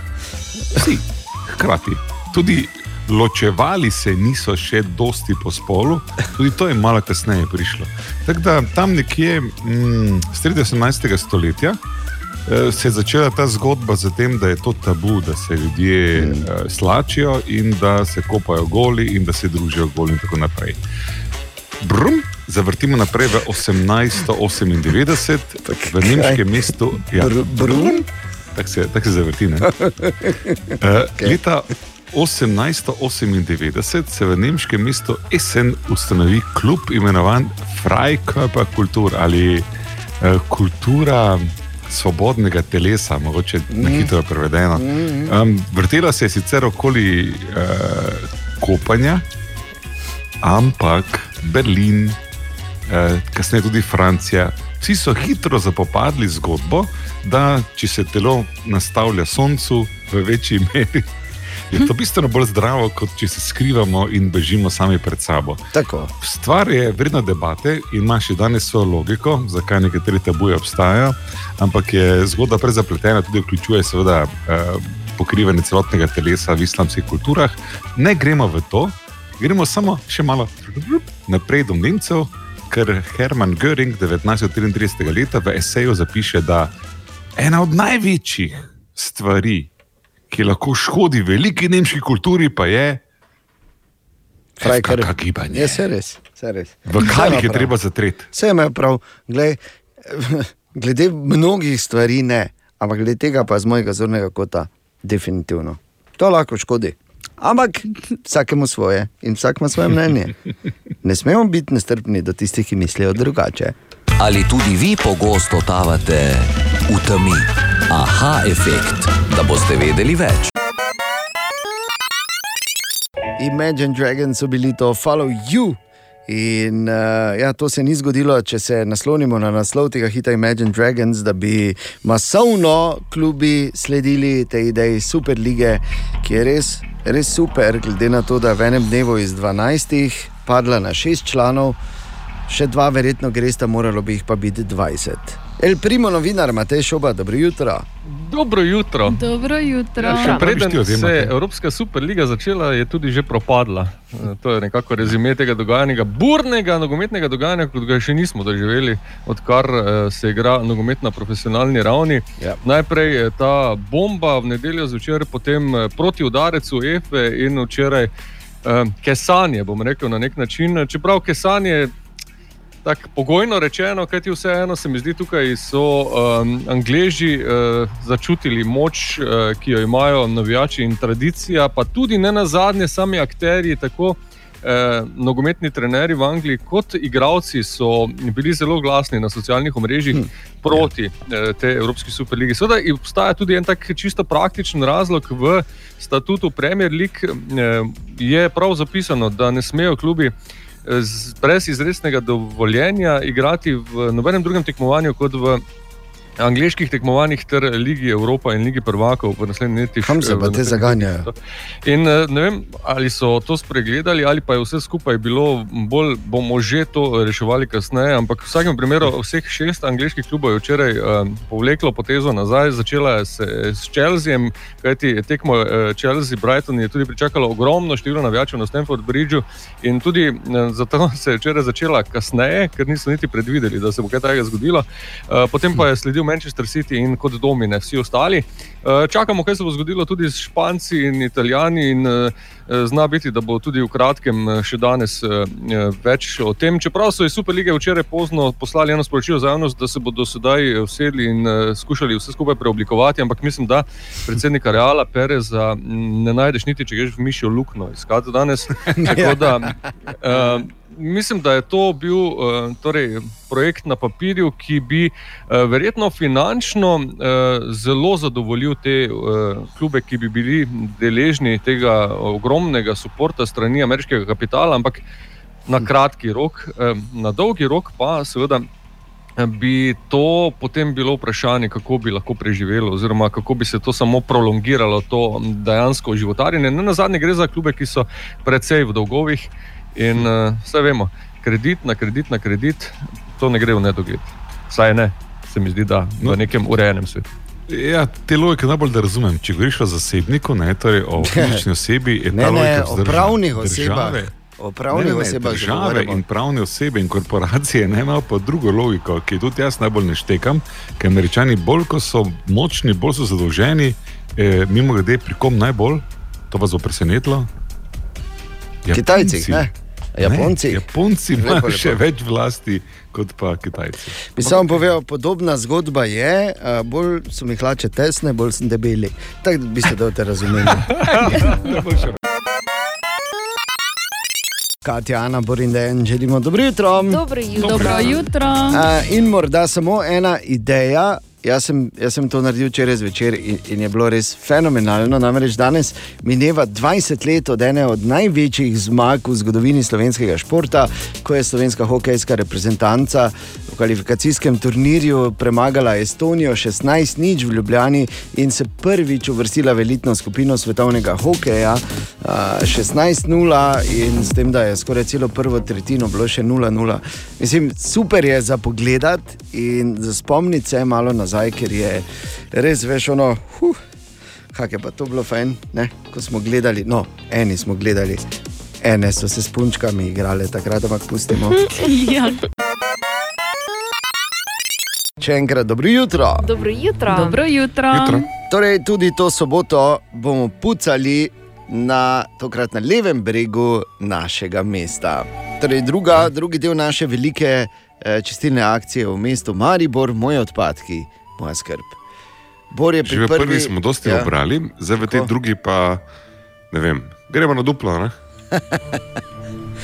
Upam, da ne bo da, dovolj, da bi bilo za duplo, če me razumeš. Ja, no, da smo dovolj skrbni in da ne bomo spet nabrali sedem ton razno raznih odpadkov. Ampak uh, medtem ko pač za te velike akcije potrebujemo datum, pa obstaja človek, ki že več kot 20 let ni rabo datuma, da je šel pa pobral vso svinjarijo, ki so jo nemarneži pustili v naravi. Franc je senek, spomnimo Franca Jesenka. Ja.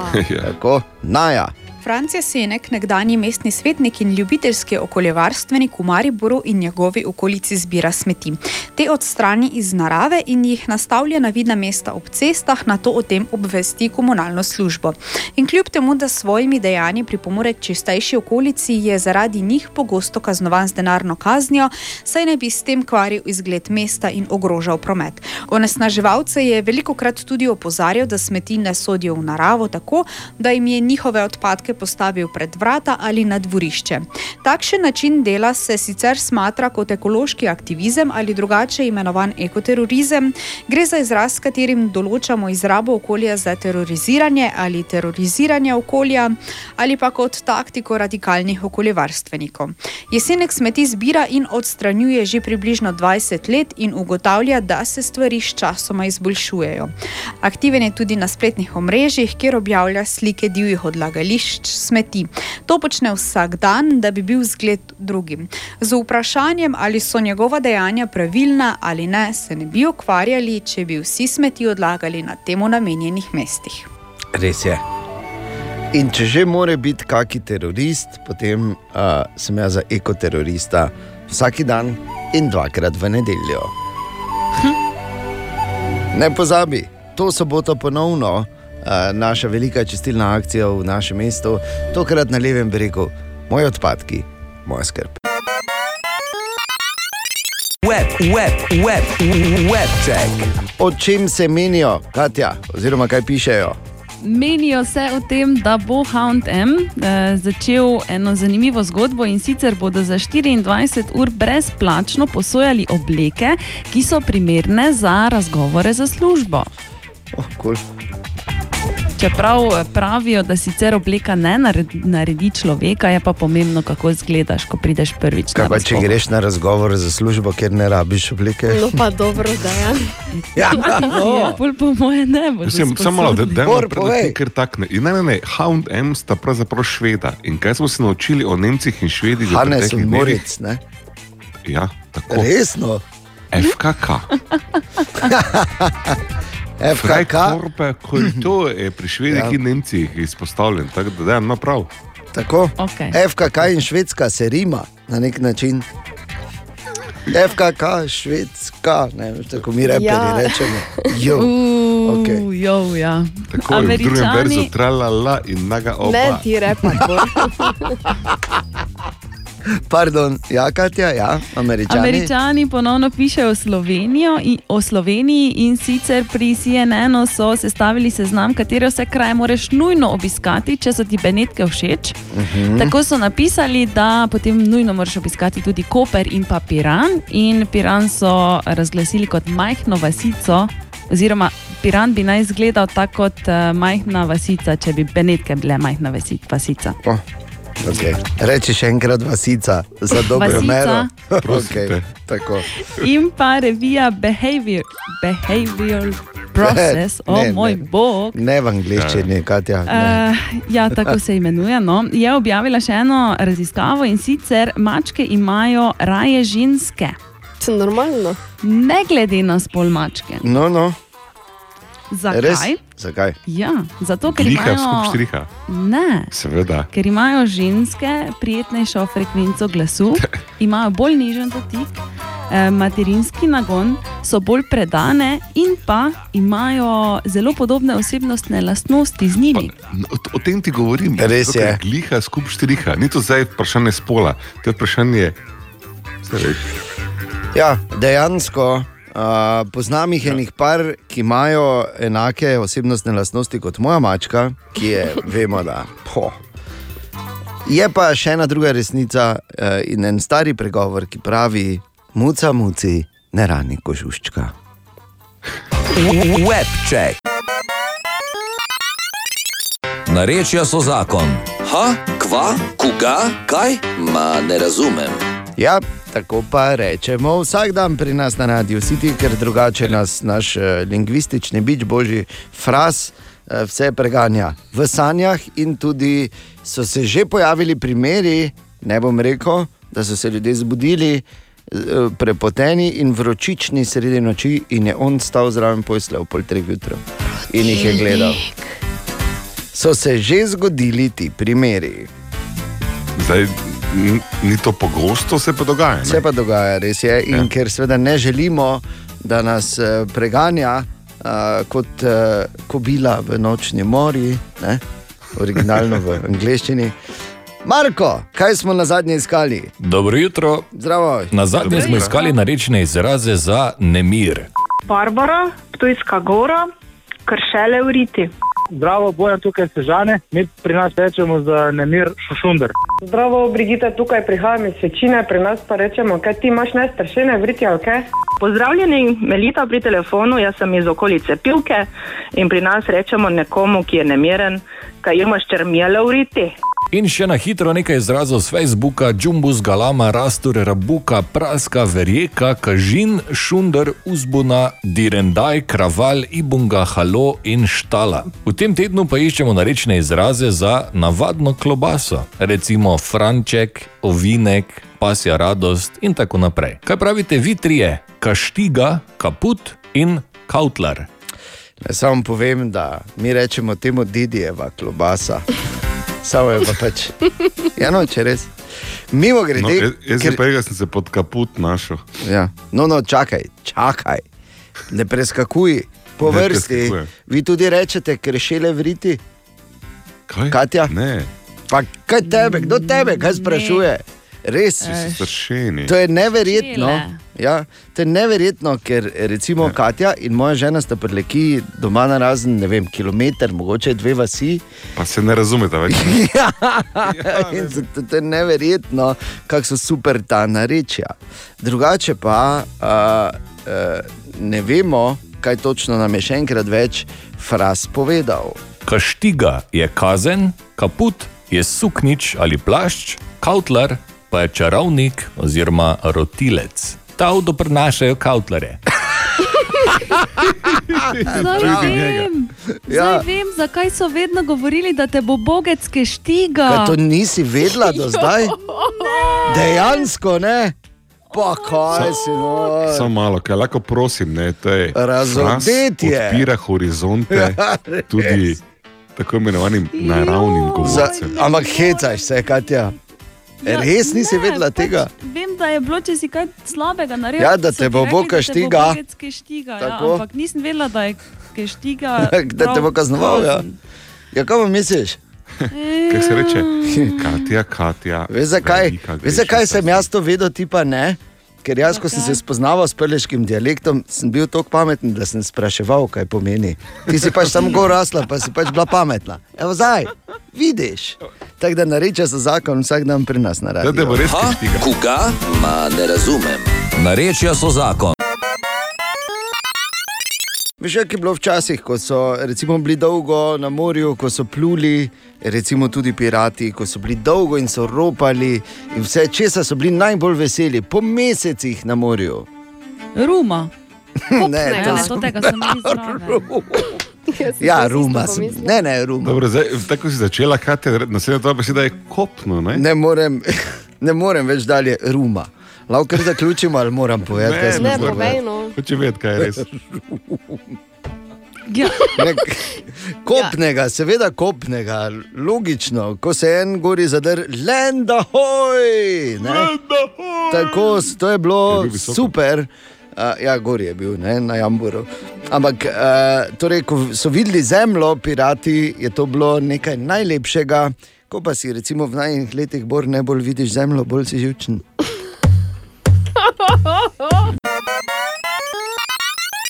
Katja, na Borindejen, želimo dobro jutro. Dobro jutro. Dobro jutro. Dobro jutro. Ja, danes je že četrtek, 22. april in se veš, tako je življenje. Včasih ti pa še jabka, včasih pač. Tako je. Danes je 22. april in seveda se že nekaj časa menijo. Čuješ, veš, da gremo, Joža ima doli prikolico, gremo postavljati. baldehin, pa vse, ali pa gremo k stojanu, dol veš, ima čuln. Čuln bomo no dali pa. In to so vse opravila, ki vzamejo najmanj tri dni. Ne, da ne bi kdo slučajno mislil, da lahko ti greš v enem dnevu dol, recimo na Hrvaško, in postaviš prikolico in greš še isti večer nazaj. Mislim, no, to, mislim, halo. To ne gre, to je najmanj tri dni, ker ti, ko postaviš prikolico, moraš najmanj dva dni noč spati, da vidiš, če je dejansko na vagi. ne. Da, pol, ko Ja, gospa, da, ko gospa pride, ko gospa pridejo, da imajo lepo, ne? da je lepo vse perajt. in to je to. Ti pa moraš lepo, tudi moraš probati, kako hitro in kako uspešno, recimo, hladilnik ohladi določene stvari, ne? ker vemo, da eh, kvaliteta hladilnika se meri skozi hlajenje tekoče tvari. Ne skozi ne, Vode, trdo. recimo. Ne? Tako, Katja, ja, recimo. sveže vode. In ker so prvomajski praktično za voglom, in marsikdo razmišlja ravno te stvari. Ampak kaj zdaj točno rabiš, da lahko prideš čez mejo? Amadeja, povej.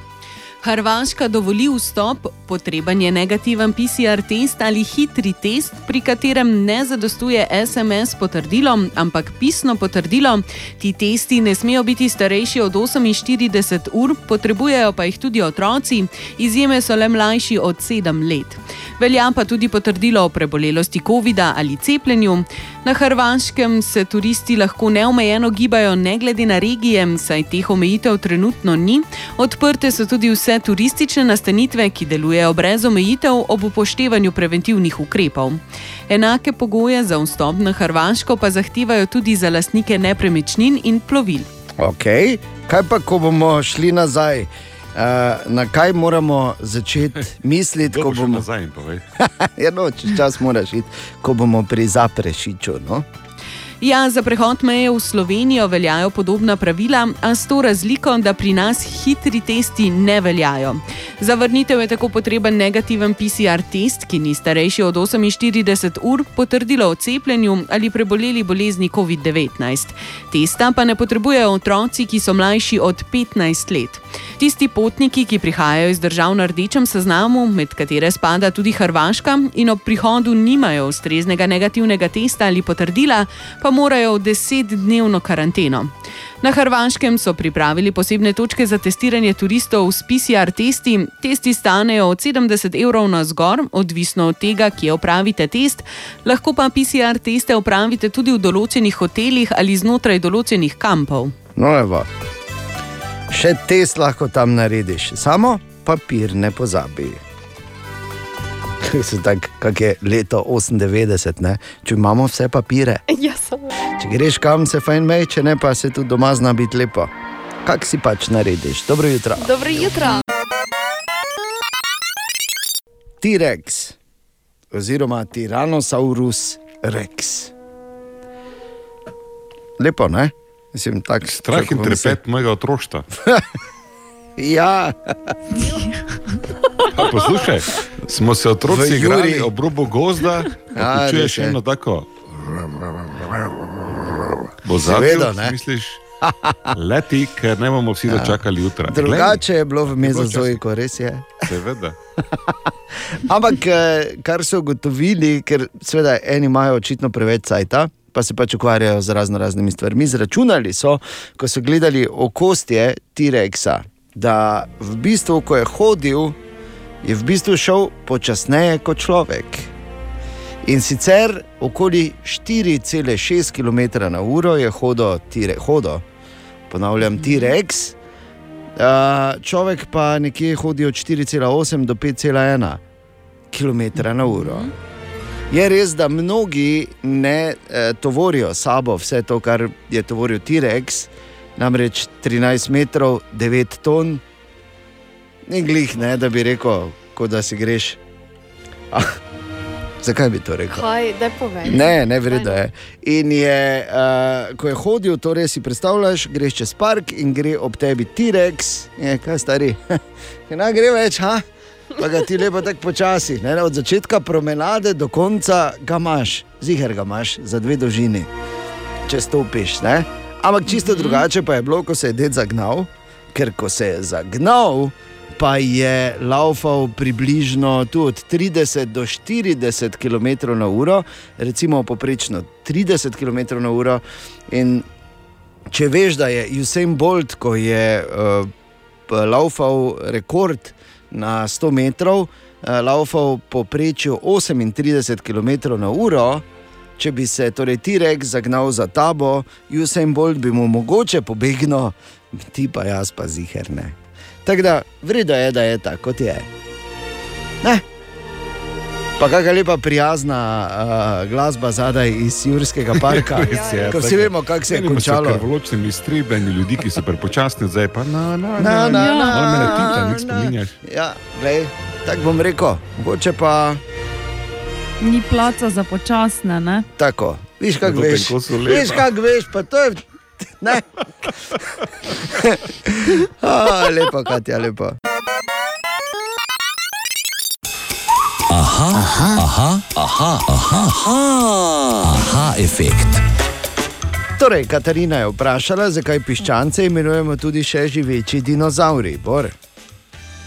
Ko sem jaz še hodil v šole, ampak zdaj ne tiste, ko bi Šole ne. ampak te, ko sem raz, ne, pa v mojem mlad, tam v 80-ih letih, so nas vse še učili, da so ptiči potomci dinozaurov.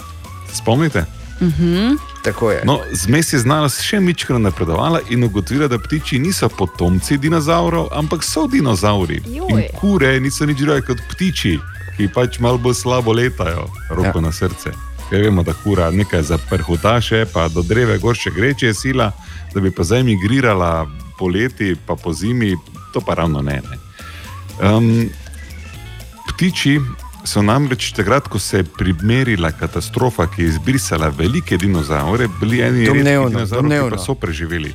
Kak? Domnevno ne, je bila ta katastrofa, se ne vejo točno. Ampak Ker da niti ne sklepajo. verjame, da smo na Luni, zdaj ne moremo šli v te debate. To ni zopet, res, ne, ampak pač pri tem pravim. Je vse domnevno. Ja. Ampak bolj ali manj se znano strinja, dejan, da so veliki dinozauri izumrli To je dejstvo. hipoma, oziroma v ja. kratkem času. Ne? Zdaj, ali so jih požrli vesolci, ali pa je prišel kometi, pa zdaj so odprta zgodba. V vsakem primeru, Vesolci so s, preži- vesolci z drobtinami so prišli. Tako se jih popohali, so jih ne. Ampak vsak, v vsakem primeru ptiči so preživeli eh, takratno obdobje in ptiči, ki jih imamo danes, so se iz teh ptičev razvili. In niso nič drugega kot dinozauri. In kura kot ponosna eh, predstavnica ptičev je, je. dinozaur. Ni T-Rex, je pa dinozaur. Lepo. Na srečo so takrat to katastrofo preživeli do takrat izjemno nepomembna bitja, imenovana sesalci. Brez tega bi tudi mi bolj malo danes. Ne? Ali tudi vi pogosto totavate v temi? Aha, efekt, da boste vedeli več. Torej, v 90-ih, rojeni v začetku 90-ih, so z glasbo Power Dancer odraščali oziroma odraščale. Je tako. Katja? Ja, Absolutno. Ne samo odraščali, tudi odraščali, brez skrbi. Ja. Uh, mi rojeni malo prej smo jih pač gledali, ne? Ja, to pa je. Bor je tudi plesal z njimi večkrat. Veš kak? Ampak, uh, torej, punce so na to na neki točki pač se odločile za druge projekte. Nadka, kaj ona zdaj počne? Naja, izvoli. Natka Gržina, plesalka že od malih nog, je Slovenijo pretresla kot članica pevsko-plesne skupine Power Dancers. Letos mineva 25 let od njihovega prvenca Ujemi me in kako se Natka spominja teh glasbenih začetkov. V bistvu imam čisto vse v zvezi z Power Dancers v noro lepih spominih. Začele smo kot plesalke, spremljali smo skupine, razne glasbene in pa izvajalce na njihovih nastopih. Redno smo sodelovali v oddaji Poglej in Zadeni, kar pomeni, da smo vsak petek zvečer nastopali eh, v tej oddaji več let. To so bili nekako naši plesni začetki. Potem pa smo na enem od nastopov spoznali skupino E.T., ki pač so fanti rekli, pa zakaj ne bi več probale, da bi posnele kakšen komat, ker bi to bila dobra deset, pa štiri dekleta, ki plešejo in pojejo nekaj novega na sceni. Pa smo rekli, zakaj ne. Dominik Kozarič in Aleš Čadež sta nam bila takoj pripravljena pomagati pri prvi pesmi. Posneli smo Ujemi me in že takoj Ujemi me je postal pravi hit. Mi smo bile prav šokirane, presrečne. Skratka, posneli smo video spot, kjer smo skakali z bungee jumpingom, tako da smo uh, res postale prava uspešnica čez noč.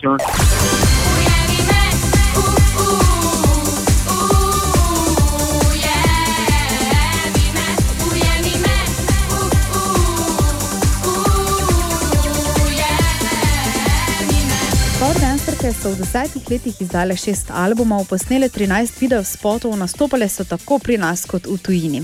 Kot pravi Natka, so v vsako izdano pesem vložile veliko truda, plesno znanje pa so si pridobivale tudi v Los Angelesu. Kakšen je bil njihov prvi koncert?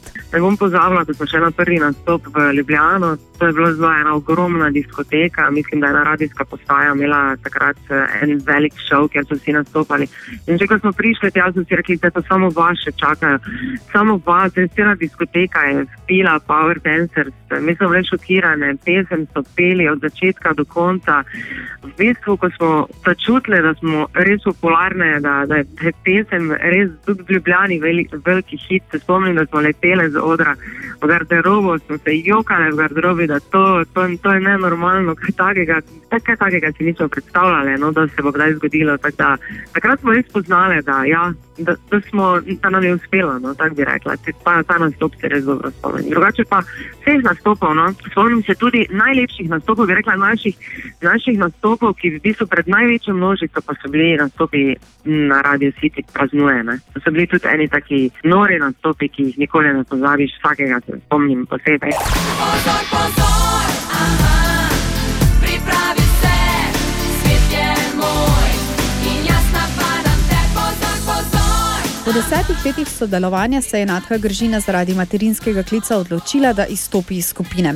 Powerdancerke so takrat bile na vrhuncu kariere, rašle pa so se prijateljsko. Ja, in potem je, koliko jaz vem, Natka samo še plesala in ne toliko več pela. Natka je svojo plesno pot nadaljevala v svoji plesni šoli, zraven tega pa je skupaj z možem kot menedžerka sodelovala z takrat znanimi izvajalci Sebastianom Bipo, Rebeko Dremel, Domnom Kumrom, Foreplay, BBT, še bi lahko naštevali. Za nje je pisala tudi besedila. Lepi časi so to bili, uh, slovenska glasba je bila na vrhuncu, se je poslušala in z temi glasbeniki smo bili pravi prijatelji. Imeli smo tudi potem popstar turnejo, kjer smo skupaj nastopali. Družili smo se, super, super sodelovanja, lepa prijateljstva, dobra sodelovanja, uspešna sodelovanja. Eh, Spet smo z zvonetom veliko svojih izkušenj pre, nekako pre, prenašala na mlade izvajalce. Jaz sem skrbela za njihove nastope, on je skrbel za glasbo. Skratka, lepa sodelovanja, zato ga sami lepi spominjam.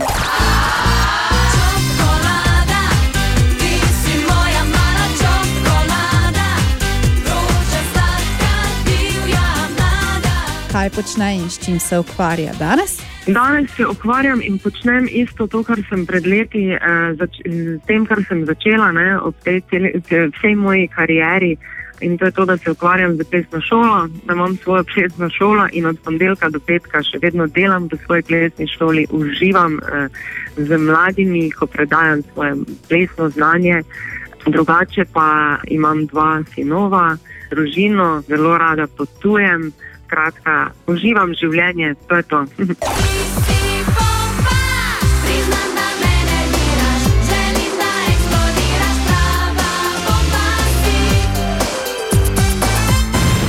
Natka in Power Dancerke, torej vse dobro, ti želimo še naprej tudi mi, ja. ne na zadnje, Le- lepe pozdrave od nas, Tako. upam se je. vidimo. In ne pozabiti, to velja za vse vas, za vse punce, ki ste bile v Power Dancers. Yes.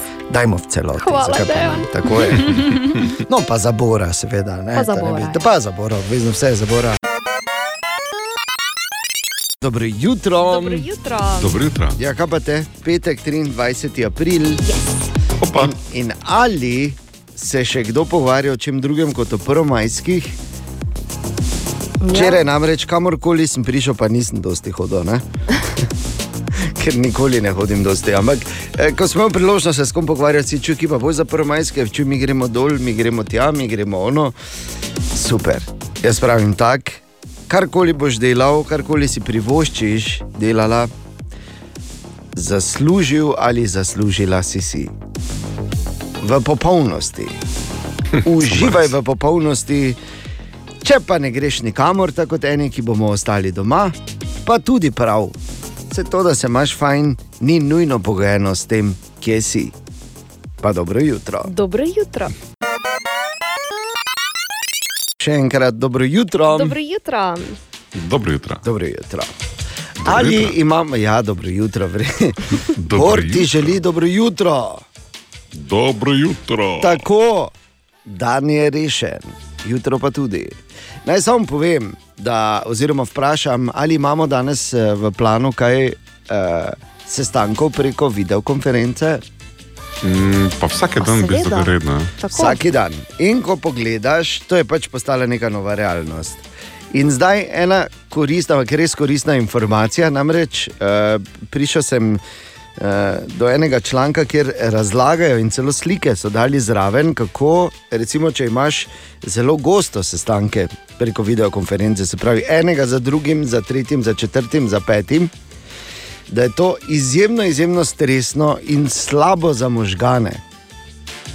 Zato je nujno, da si med uh, posameznimi sestanki zorganiziraš vsaj 10-minutni premor. Da se malo spočije, da, da, da možgani spet na nek način zadihajo, da jih ne obremenjuješ cel čas. Eh, Seveda pa to, če se spomnimo malo nazaj, ni nujno uh, povezano z količino neumnosti, ki jih na teh sestankih slišiš. Je ta verjetno ni majhna, ne? Se strinjamo? Ja, če Niti najmanj. sodimo po naših. Res je. Ja, seveda, naši. Mi, mi, smo res izjemni. Ja. Ker uh, več teh videosestankov, več stresa, še enkrat naj spomnim, to sem že povedal, tudi to je uh, dokazano dejstvo. Ko vidiš ti obraz tako od blizu, tvoji možgani to razumejo kot samo dve možnosti, da se bosta zgodili. Ali parjenje, ali pa pretep, oziroma dvoboj. In zdaj, glede na to, da Veš, če še imaš takrat parjenje, ne? Ja. ti po enih šestih zaporednih velikih glavah, verjetno je v mislih samo še eno in je to veliki stres potem za telo. Se zgodi. Si ti predstavljaš, da pa zdaj oborožen s tem znanjem Ja. na naslednji konferenci, ko malo na kamero preblizu rečem, "Eh, kolegica, obračujem se, dobivam mešane signale, Ja. pa se mi da prokrat skregala ali se pariva. Ali se bova parila? Ne, to pomeni, da je parjenje iminentno. Razumeš, to ne pomeni zdaj, da se ampak dejansko veš, da parita. Ampak. Ne moreš vedno instinktom zaupati, reče si vprašati. No, kolega, ni ne eno, ne drugo, ne boš verjel. Ja, ne bi bil tako ziger. Ne, ne bi bil Grem malo ziger. Ne glede na to, kaj si misliš, je vedno lahko parjenje za vogalom. Oj, oj. Devet minut. Oj, oj, Ne, ne, ne, ne, čakaj, čakaj, ne idi Nič naprej. Kaj sem je. pa zdaj spoznal? Ali vi veste, da jaz imam na tej videokonferenci, ki jo imamo mi pa med jutrnim programom, da ja. ob Kati in Ani, imam pa vedno tebe čez cel ekran, ker pač Oj, oj, daj, No. Ali si moral to reči, ker veš, da je tu samo ena pot. Ali si In to pričakoval ne kaj ta. Ja, in to ni ta, ne, tako da ne bi slučajno padel v neke divje fantazije, ker pri vas starih človek nikoli ne ve. Dobro jutro želimo. Dobro jutro. Dobrodošli v nov dan, če ste se nam pravkar pridružili, kdorkoli že ali ste skupina ali je en sam, vseeno. Dobrodošli Vseeno. za našo jutranjo Ja. ja. mizo. in čestitke še eno jutro, ki ste ga doživeli. Ja, lepo. No, bo, In to, uh, to jutro bo peljalo v dan, ki ni poseben. Danes je 23. april, dan, ko goduje sveti Juri. Sveti Juri znan po sveda številnih legendah, predvsem tej, da je zmaja klav. Mogoče se ne reče ravno tako, no se vseeno. Ampak 23. april, oziroma sveti Juri, je v Sloveniji, v kateri odnegdaj velja, velja uh, to staro reklo, trije slovenci, pevski zbor, en poseben dan. Danes je namreč spet vse slovensko petje srci, ne naja. Projekt Vse slovensko petje srci bo že četrtič zapored. Potekal bo z namenom, da Slovenci skupaj obudimo našo tradicijo in kulturo ter z namenom poklonitve našim prednikom. Zakaj naj bi ravno petje lahko povezalo vso Slovenijo, pojasnjuje Mateja Brečko, idejna vodja projekta. Zato, ker je petje naša osnovna kultura, ki je najbolj razvejana, in še nekaj, kar je zelo prijetno, je to, da glas nosimo vsi seboj v katerem koli trenutku in lahko pojemo torej v službi, v avtu, na kavču doma, na sprehodu, na treningu. Tako da v bistvu lahko je to ena taka lepa akcija, ko nas poveže med seboj in predvsem, da se spomnimo, kdo smo. In s povezanostjo na tradicijo je bil 23. april izbran kot poseben datum, saj gre za dan svetega Jurija, ki je prinašalec novega kroga, veselja in obilja v naše domove. Res je. Ampak eh, kako lahko recimo vsi Slovenci praznujemo ta eh, projekt Vse slovensko petje srce? Čisto preprosto, ne glede na to, ki so in kaj delajo, lahko med 10 in 11 uro zapojejo slovenske pesmi, mogoče na glas, mogoče le potiho v sebi. Mateja Brečko dodaja. Jih najdete na YouTube aplikaciji, tam prebrskate po vse slovensko petje srce 2021. Deset prvih je tistih, ki je naš neki skupni imenovalec, vse ostalo pa pojte po vaši lastni izbiri, samo to, da se radost in pozitivizem širi in pa predvsem dobra volja. Med desetimi izbranimi pesmimi je s posebnim namenom izbrana tudi pesem Slovenec sem, saj letos obeležujemo 100. obletnico smrti Josipa Ipavca ter 30. obletnico samostojne Slovenije. Lepo, škoda samo, da je bil Gustav Ipa, Ipavec. Ne? Uh, in ta njegova, se zgodi, naj nimaš kaj. Uh, ta njegova slovenecem, ki jo bomo danes, katero bomo danes orali, samo da se spomnimo, samo da se malo spomnimo. Bor. Slovenecem, slovenecem,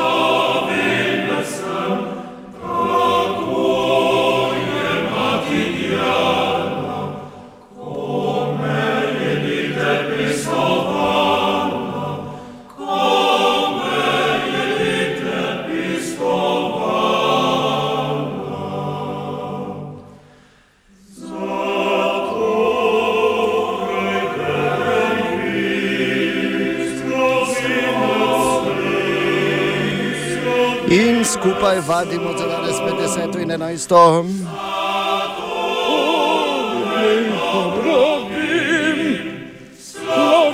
Slovenecem, slovenecem. Yes. Uh, kako bom pel? Kaki, malo imaš opernega, ne? Na, na, na, na. Tako, med 10 in 11, ne zdaj, samo se grevamo vse. Dan vse slovenskega petja, izkoristi ali pa se pridruži. Mogoče bo ti pa super, ne? nikoli ne veš. Želimo dobro jutro. Dobro jutro. Dobro jutro. Torej, Katja je na dopustu, Ana Borin Dejan smo tukaj in k malu, ker je petek, skoraj nemogoče vprašanje. Zato se mi zdi kul, cool, da naredimo malo segrevanje. Okay. Ali uganeta, česa primankuje v Veliki Britaniji po tem zadnjem zastoju v Suezu, oziroma v Sueškem prekopu, ko je ladja stala poprek, pa naredila veliko škodo.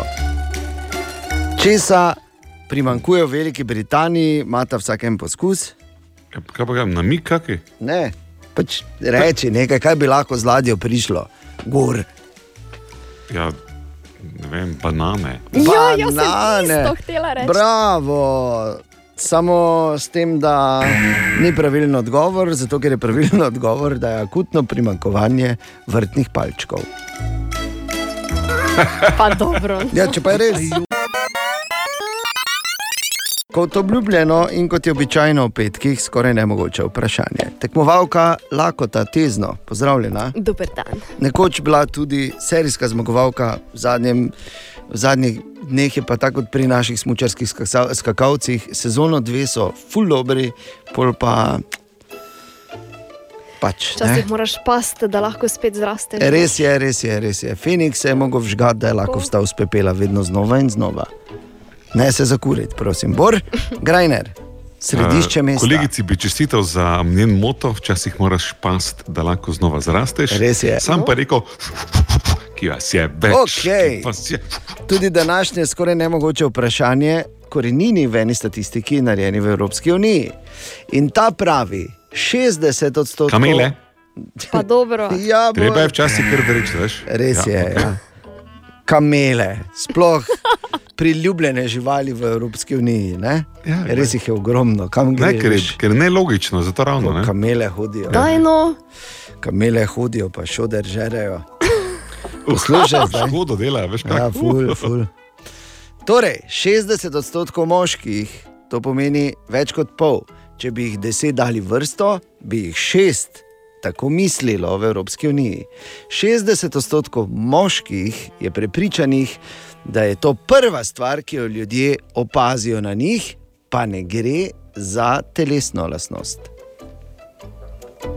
Se pravi, ne veliki Kapa. nos, Način veliki... govora. Ne, ne, Okej. kapa, kapa, kapa. Ne, eno, ne drugo. Kape ne nosiš na Čevlji. Čevlji, Ana. Ne. Kravata? Ne. A, a. Debelina denarnice.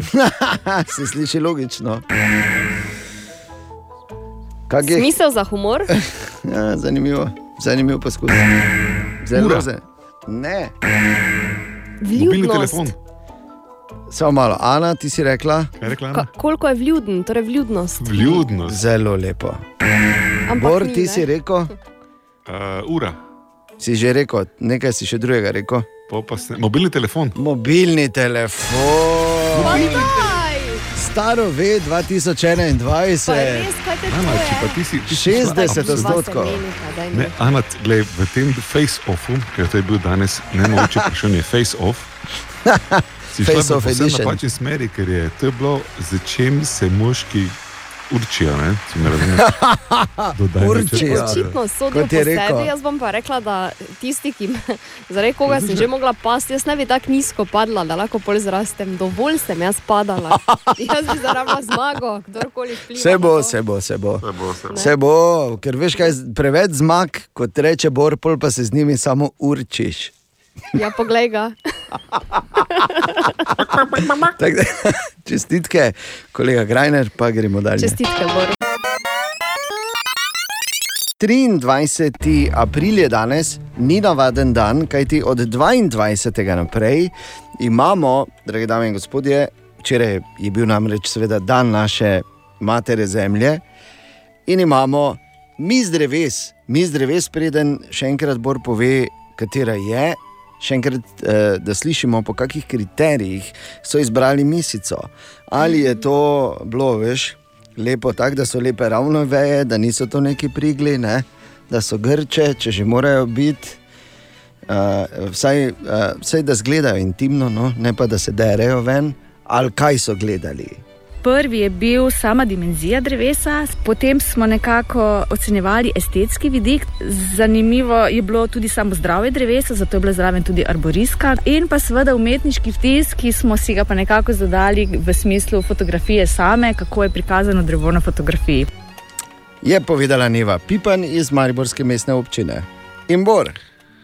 Um, tako bom rekel. Uh, Platana in jaz se poznava že kar nekaj časa, ne nazadnje je stara 250 let. Lepo, Zdaj, če lepo. hočete najti, ona je v parku pred Betnavskim dvorcem. Mm. Uh, kar se pa tehničnih specifikacij tiče, kot radi poznavalci dreves rečemo, platana ima obseg 285 cm, visoka pa je 40 metrov. Lepo. Kot Mhm. so platane, so običajno visoka drevesa. Mislim? Ta je, bom rekel, ne, eh, kar više kot običajne Ma, platane. pa, pa ravne žile ima. Ja, to, kar je pomembno, tudi, da je više od zge, tako imenovane znane zgermove, ne platane ali smreke, ne? ki je doslej imela. Um, A, naj samo povem, da ne vem, če so našli, če so našli ali če je kdo predlagal. Jaz pač uh, nisem, ker ne vem zakaj, ker sem tele, verjetno zato. Pozabljivo, ampak ok. Um, obstaja ena lipa. Če se pelješ od pobrežja proti zrkavcem, ne, uh, za križiščem, za, semof za semaforiziranim križiščem, uh, kjer se zavije v brezje, če pogledaš tako uh, na tu oklok, ne, se pravi naprej pa malo desno, je ena lipa, ki je uh, res čudovita, perfektna v bistvu. Taka kot, kot na sliki, veš, oblika, ko gre od spodaj, pa od zgoraj bolj na osko, pa bolj tako lepo na široko, pa tako pravilno zaokroženo. To pa je mis mojega srca. Joj. Ja, Naj pa in- Ja, povem pač, glej, vsak marat. Uh, Mislim, zdaj, zdaj, ko smo že padli noter v debato, spomnil bi samo, da pred dnevi odkrita Douglazija, oziroma odkrita, v javnosti je odkrila, ne, je eh, visoka 67, nič to je v celju, ne?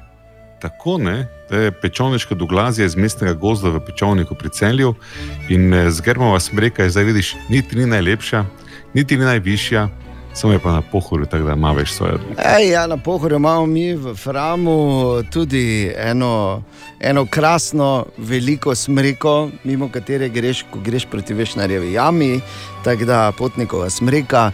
Tudi predlagam, da kak prideš do nje, pelješ se gor na planico, pri lovskem domu zaviješ levo, prideš do čudovite cerkvice, parkiraš in gledaš, kje je tabla. In greš dol, kjer, kjer najdeš, pazi, kjer najdeš zanimiv mostiček iz eh, pohorskega marmorja, ki so ga naredili že stari Rimljani, ko so uh, pač kopali marmor oziroma kamnolom imeli tam zgoraj in so vozili ta marmor na Ptuj, stari Rimljani, in na tem marmornem mostičku je dejansko zrasla ta smreka, ki je res čudovita in ena najvišjih v Sloveniji. Jaz sem bila obi turistični. Zdaj, ko smo Presežek. torej, eh, dobrodošli v Arboretum Kotičku, kjer Dan in jaz danes eh, analiziramo slovenska drevesa. Okej, okej, okej, Vam v v redu je. eh, terenske meritve roki. Duglazi izvaja s pomočjo Oh, Bor, ni- preveč resno si vzel. ja. 23. april, nočemo, da zacumajo. O, Tine! Dobro jutro, Tine. Dobro jutro. Dobro jutro. Otine, O, Tine. Oh, oh, oh. eh, ti lahko se najprej zahvalim, ker sem včeraj tako dobro večerja na to račun. Huh, Večeral? kako Dobro, res. Zakaj si ti za večerjo? Ja, Hvalim mogel veseli, sem- ja, no, mogel že ti ne pa sem- s mama intimno vez. Hvalim ga že Mogel sem- cel dan, a zmagala ne, pa bo um, človeška volja. Uh, Kaj? To, to, kar vi ne veste, je, da se ti ne pripravlja na današnji Človeška izjemni volja. obračun. Ja, moram nekaj, nekomu sem mogel, ko ga ni škoda. Tako?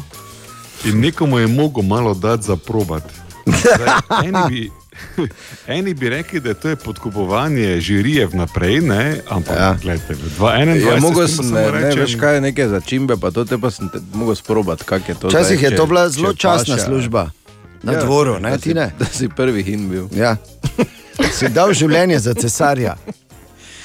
In glede na to, da še govoriš, ni bilo tako vse zelo slabo. Ne? Med drugim, ne zamudite danes po 10 uri veliki finale obračuna med Tinetom in Natalijo, kdo je boljši Obračuna. kuhar. Pri tem, da moraš uporabljati DM-ove sestavine, samo, mislim, samo večinoma. Ja. Mhm. Tako da mi smo tudi, Tine uporabil tudi Kaj? DM-ovega dvornega norčka. ne. To je to malo Okay.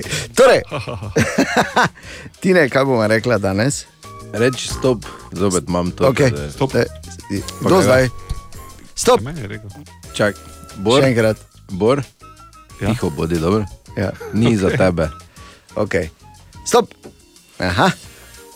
Uh, da lahko ščurek 40 minut pod vodo drži luft. Si vedel? Veli. Tak, da, Je kar informacija. Moraš si vzeti čas, če hočeš čurka vtopiti. ne? Koma, pa daj. Bor, reči stop. Stop. Um, Kje smo zdaj? Aha. Uh. Če bi Barbika bila resnična oseba, bi bila preveč suha, da bi sploh lahko imela otroke, pa preveč. Eh, eh, Mislim, ne, te proporcije bi bili tako, da ne bi mogla niti ravno hoditi. Resno, tako bi jo. Ta, tako je slabo skupno rečeno.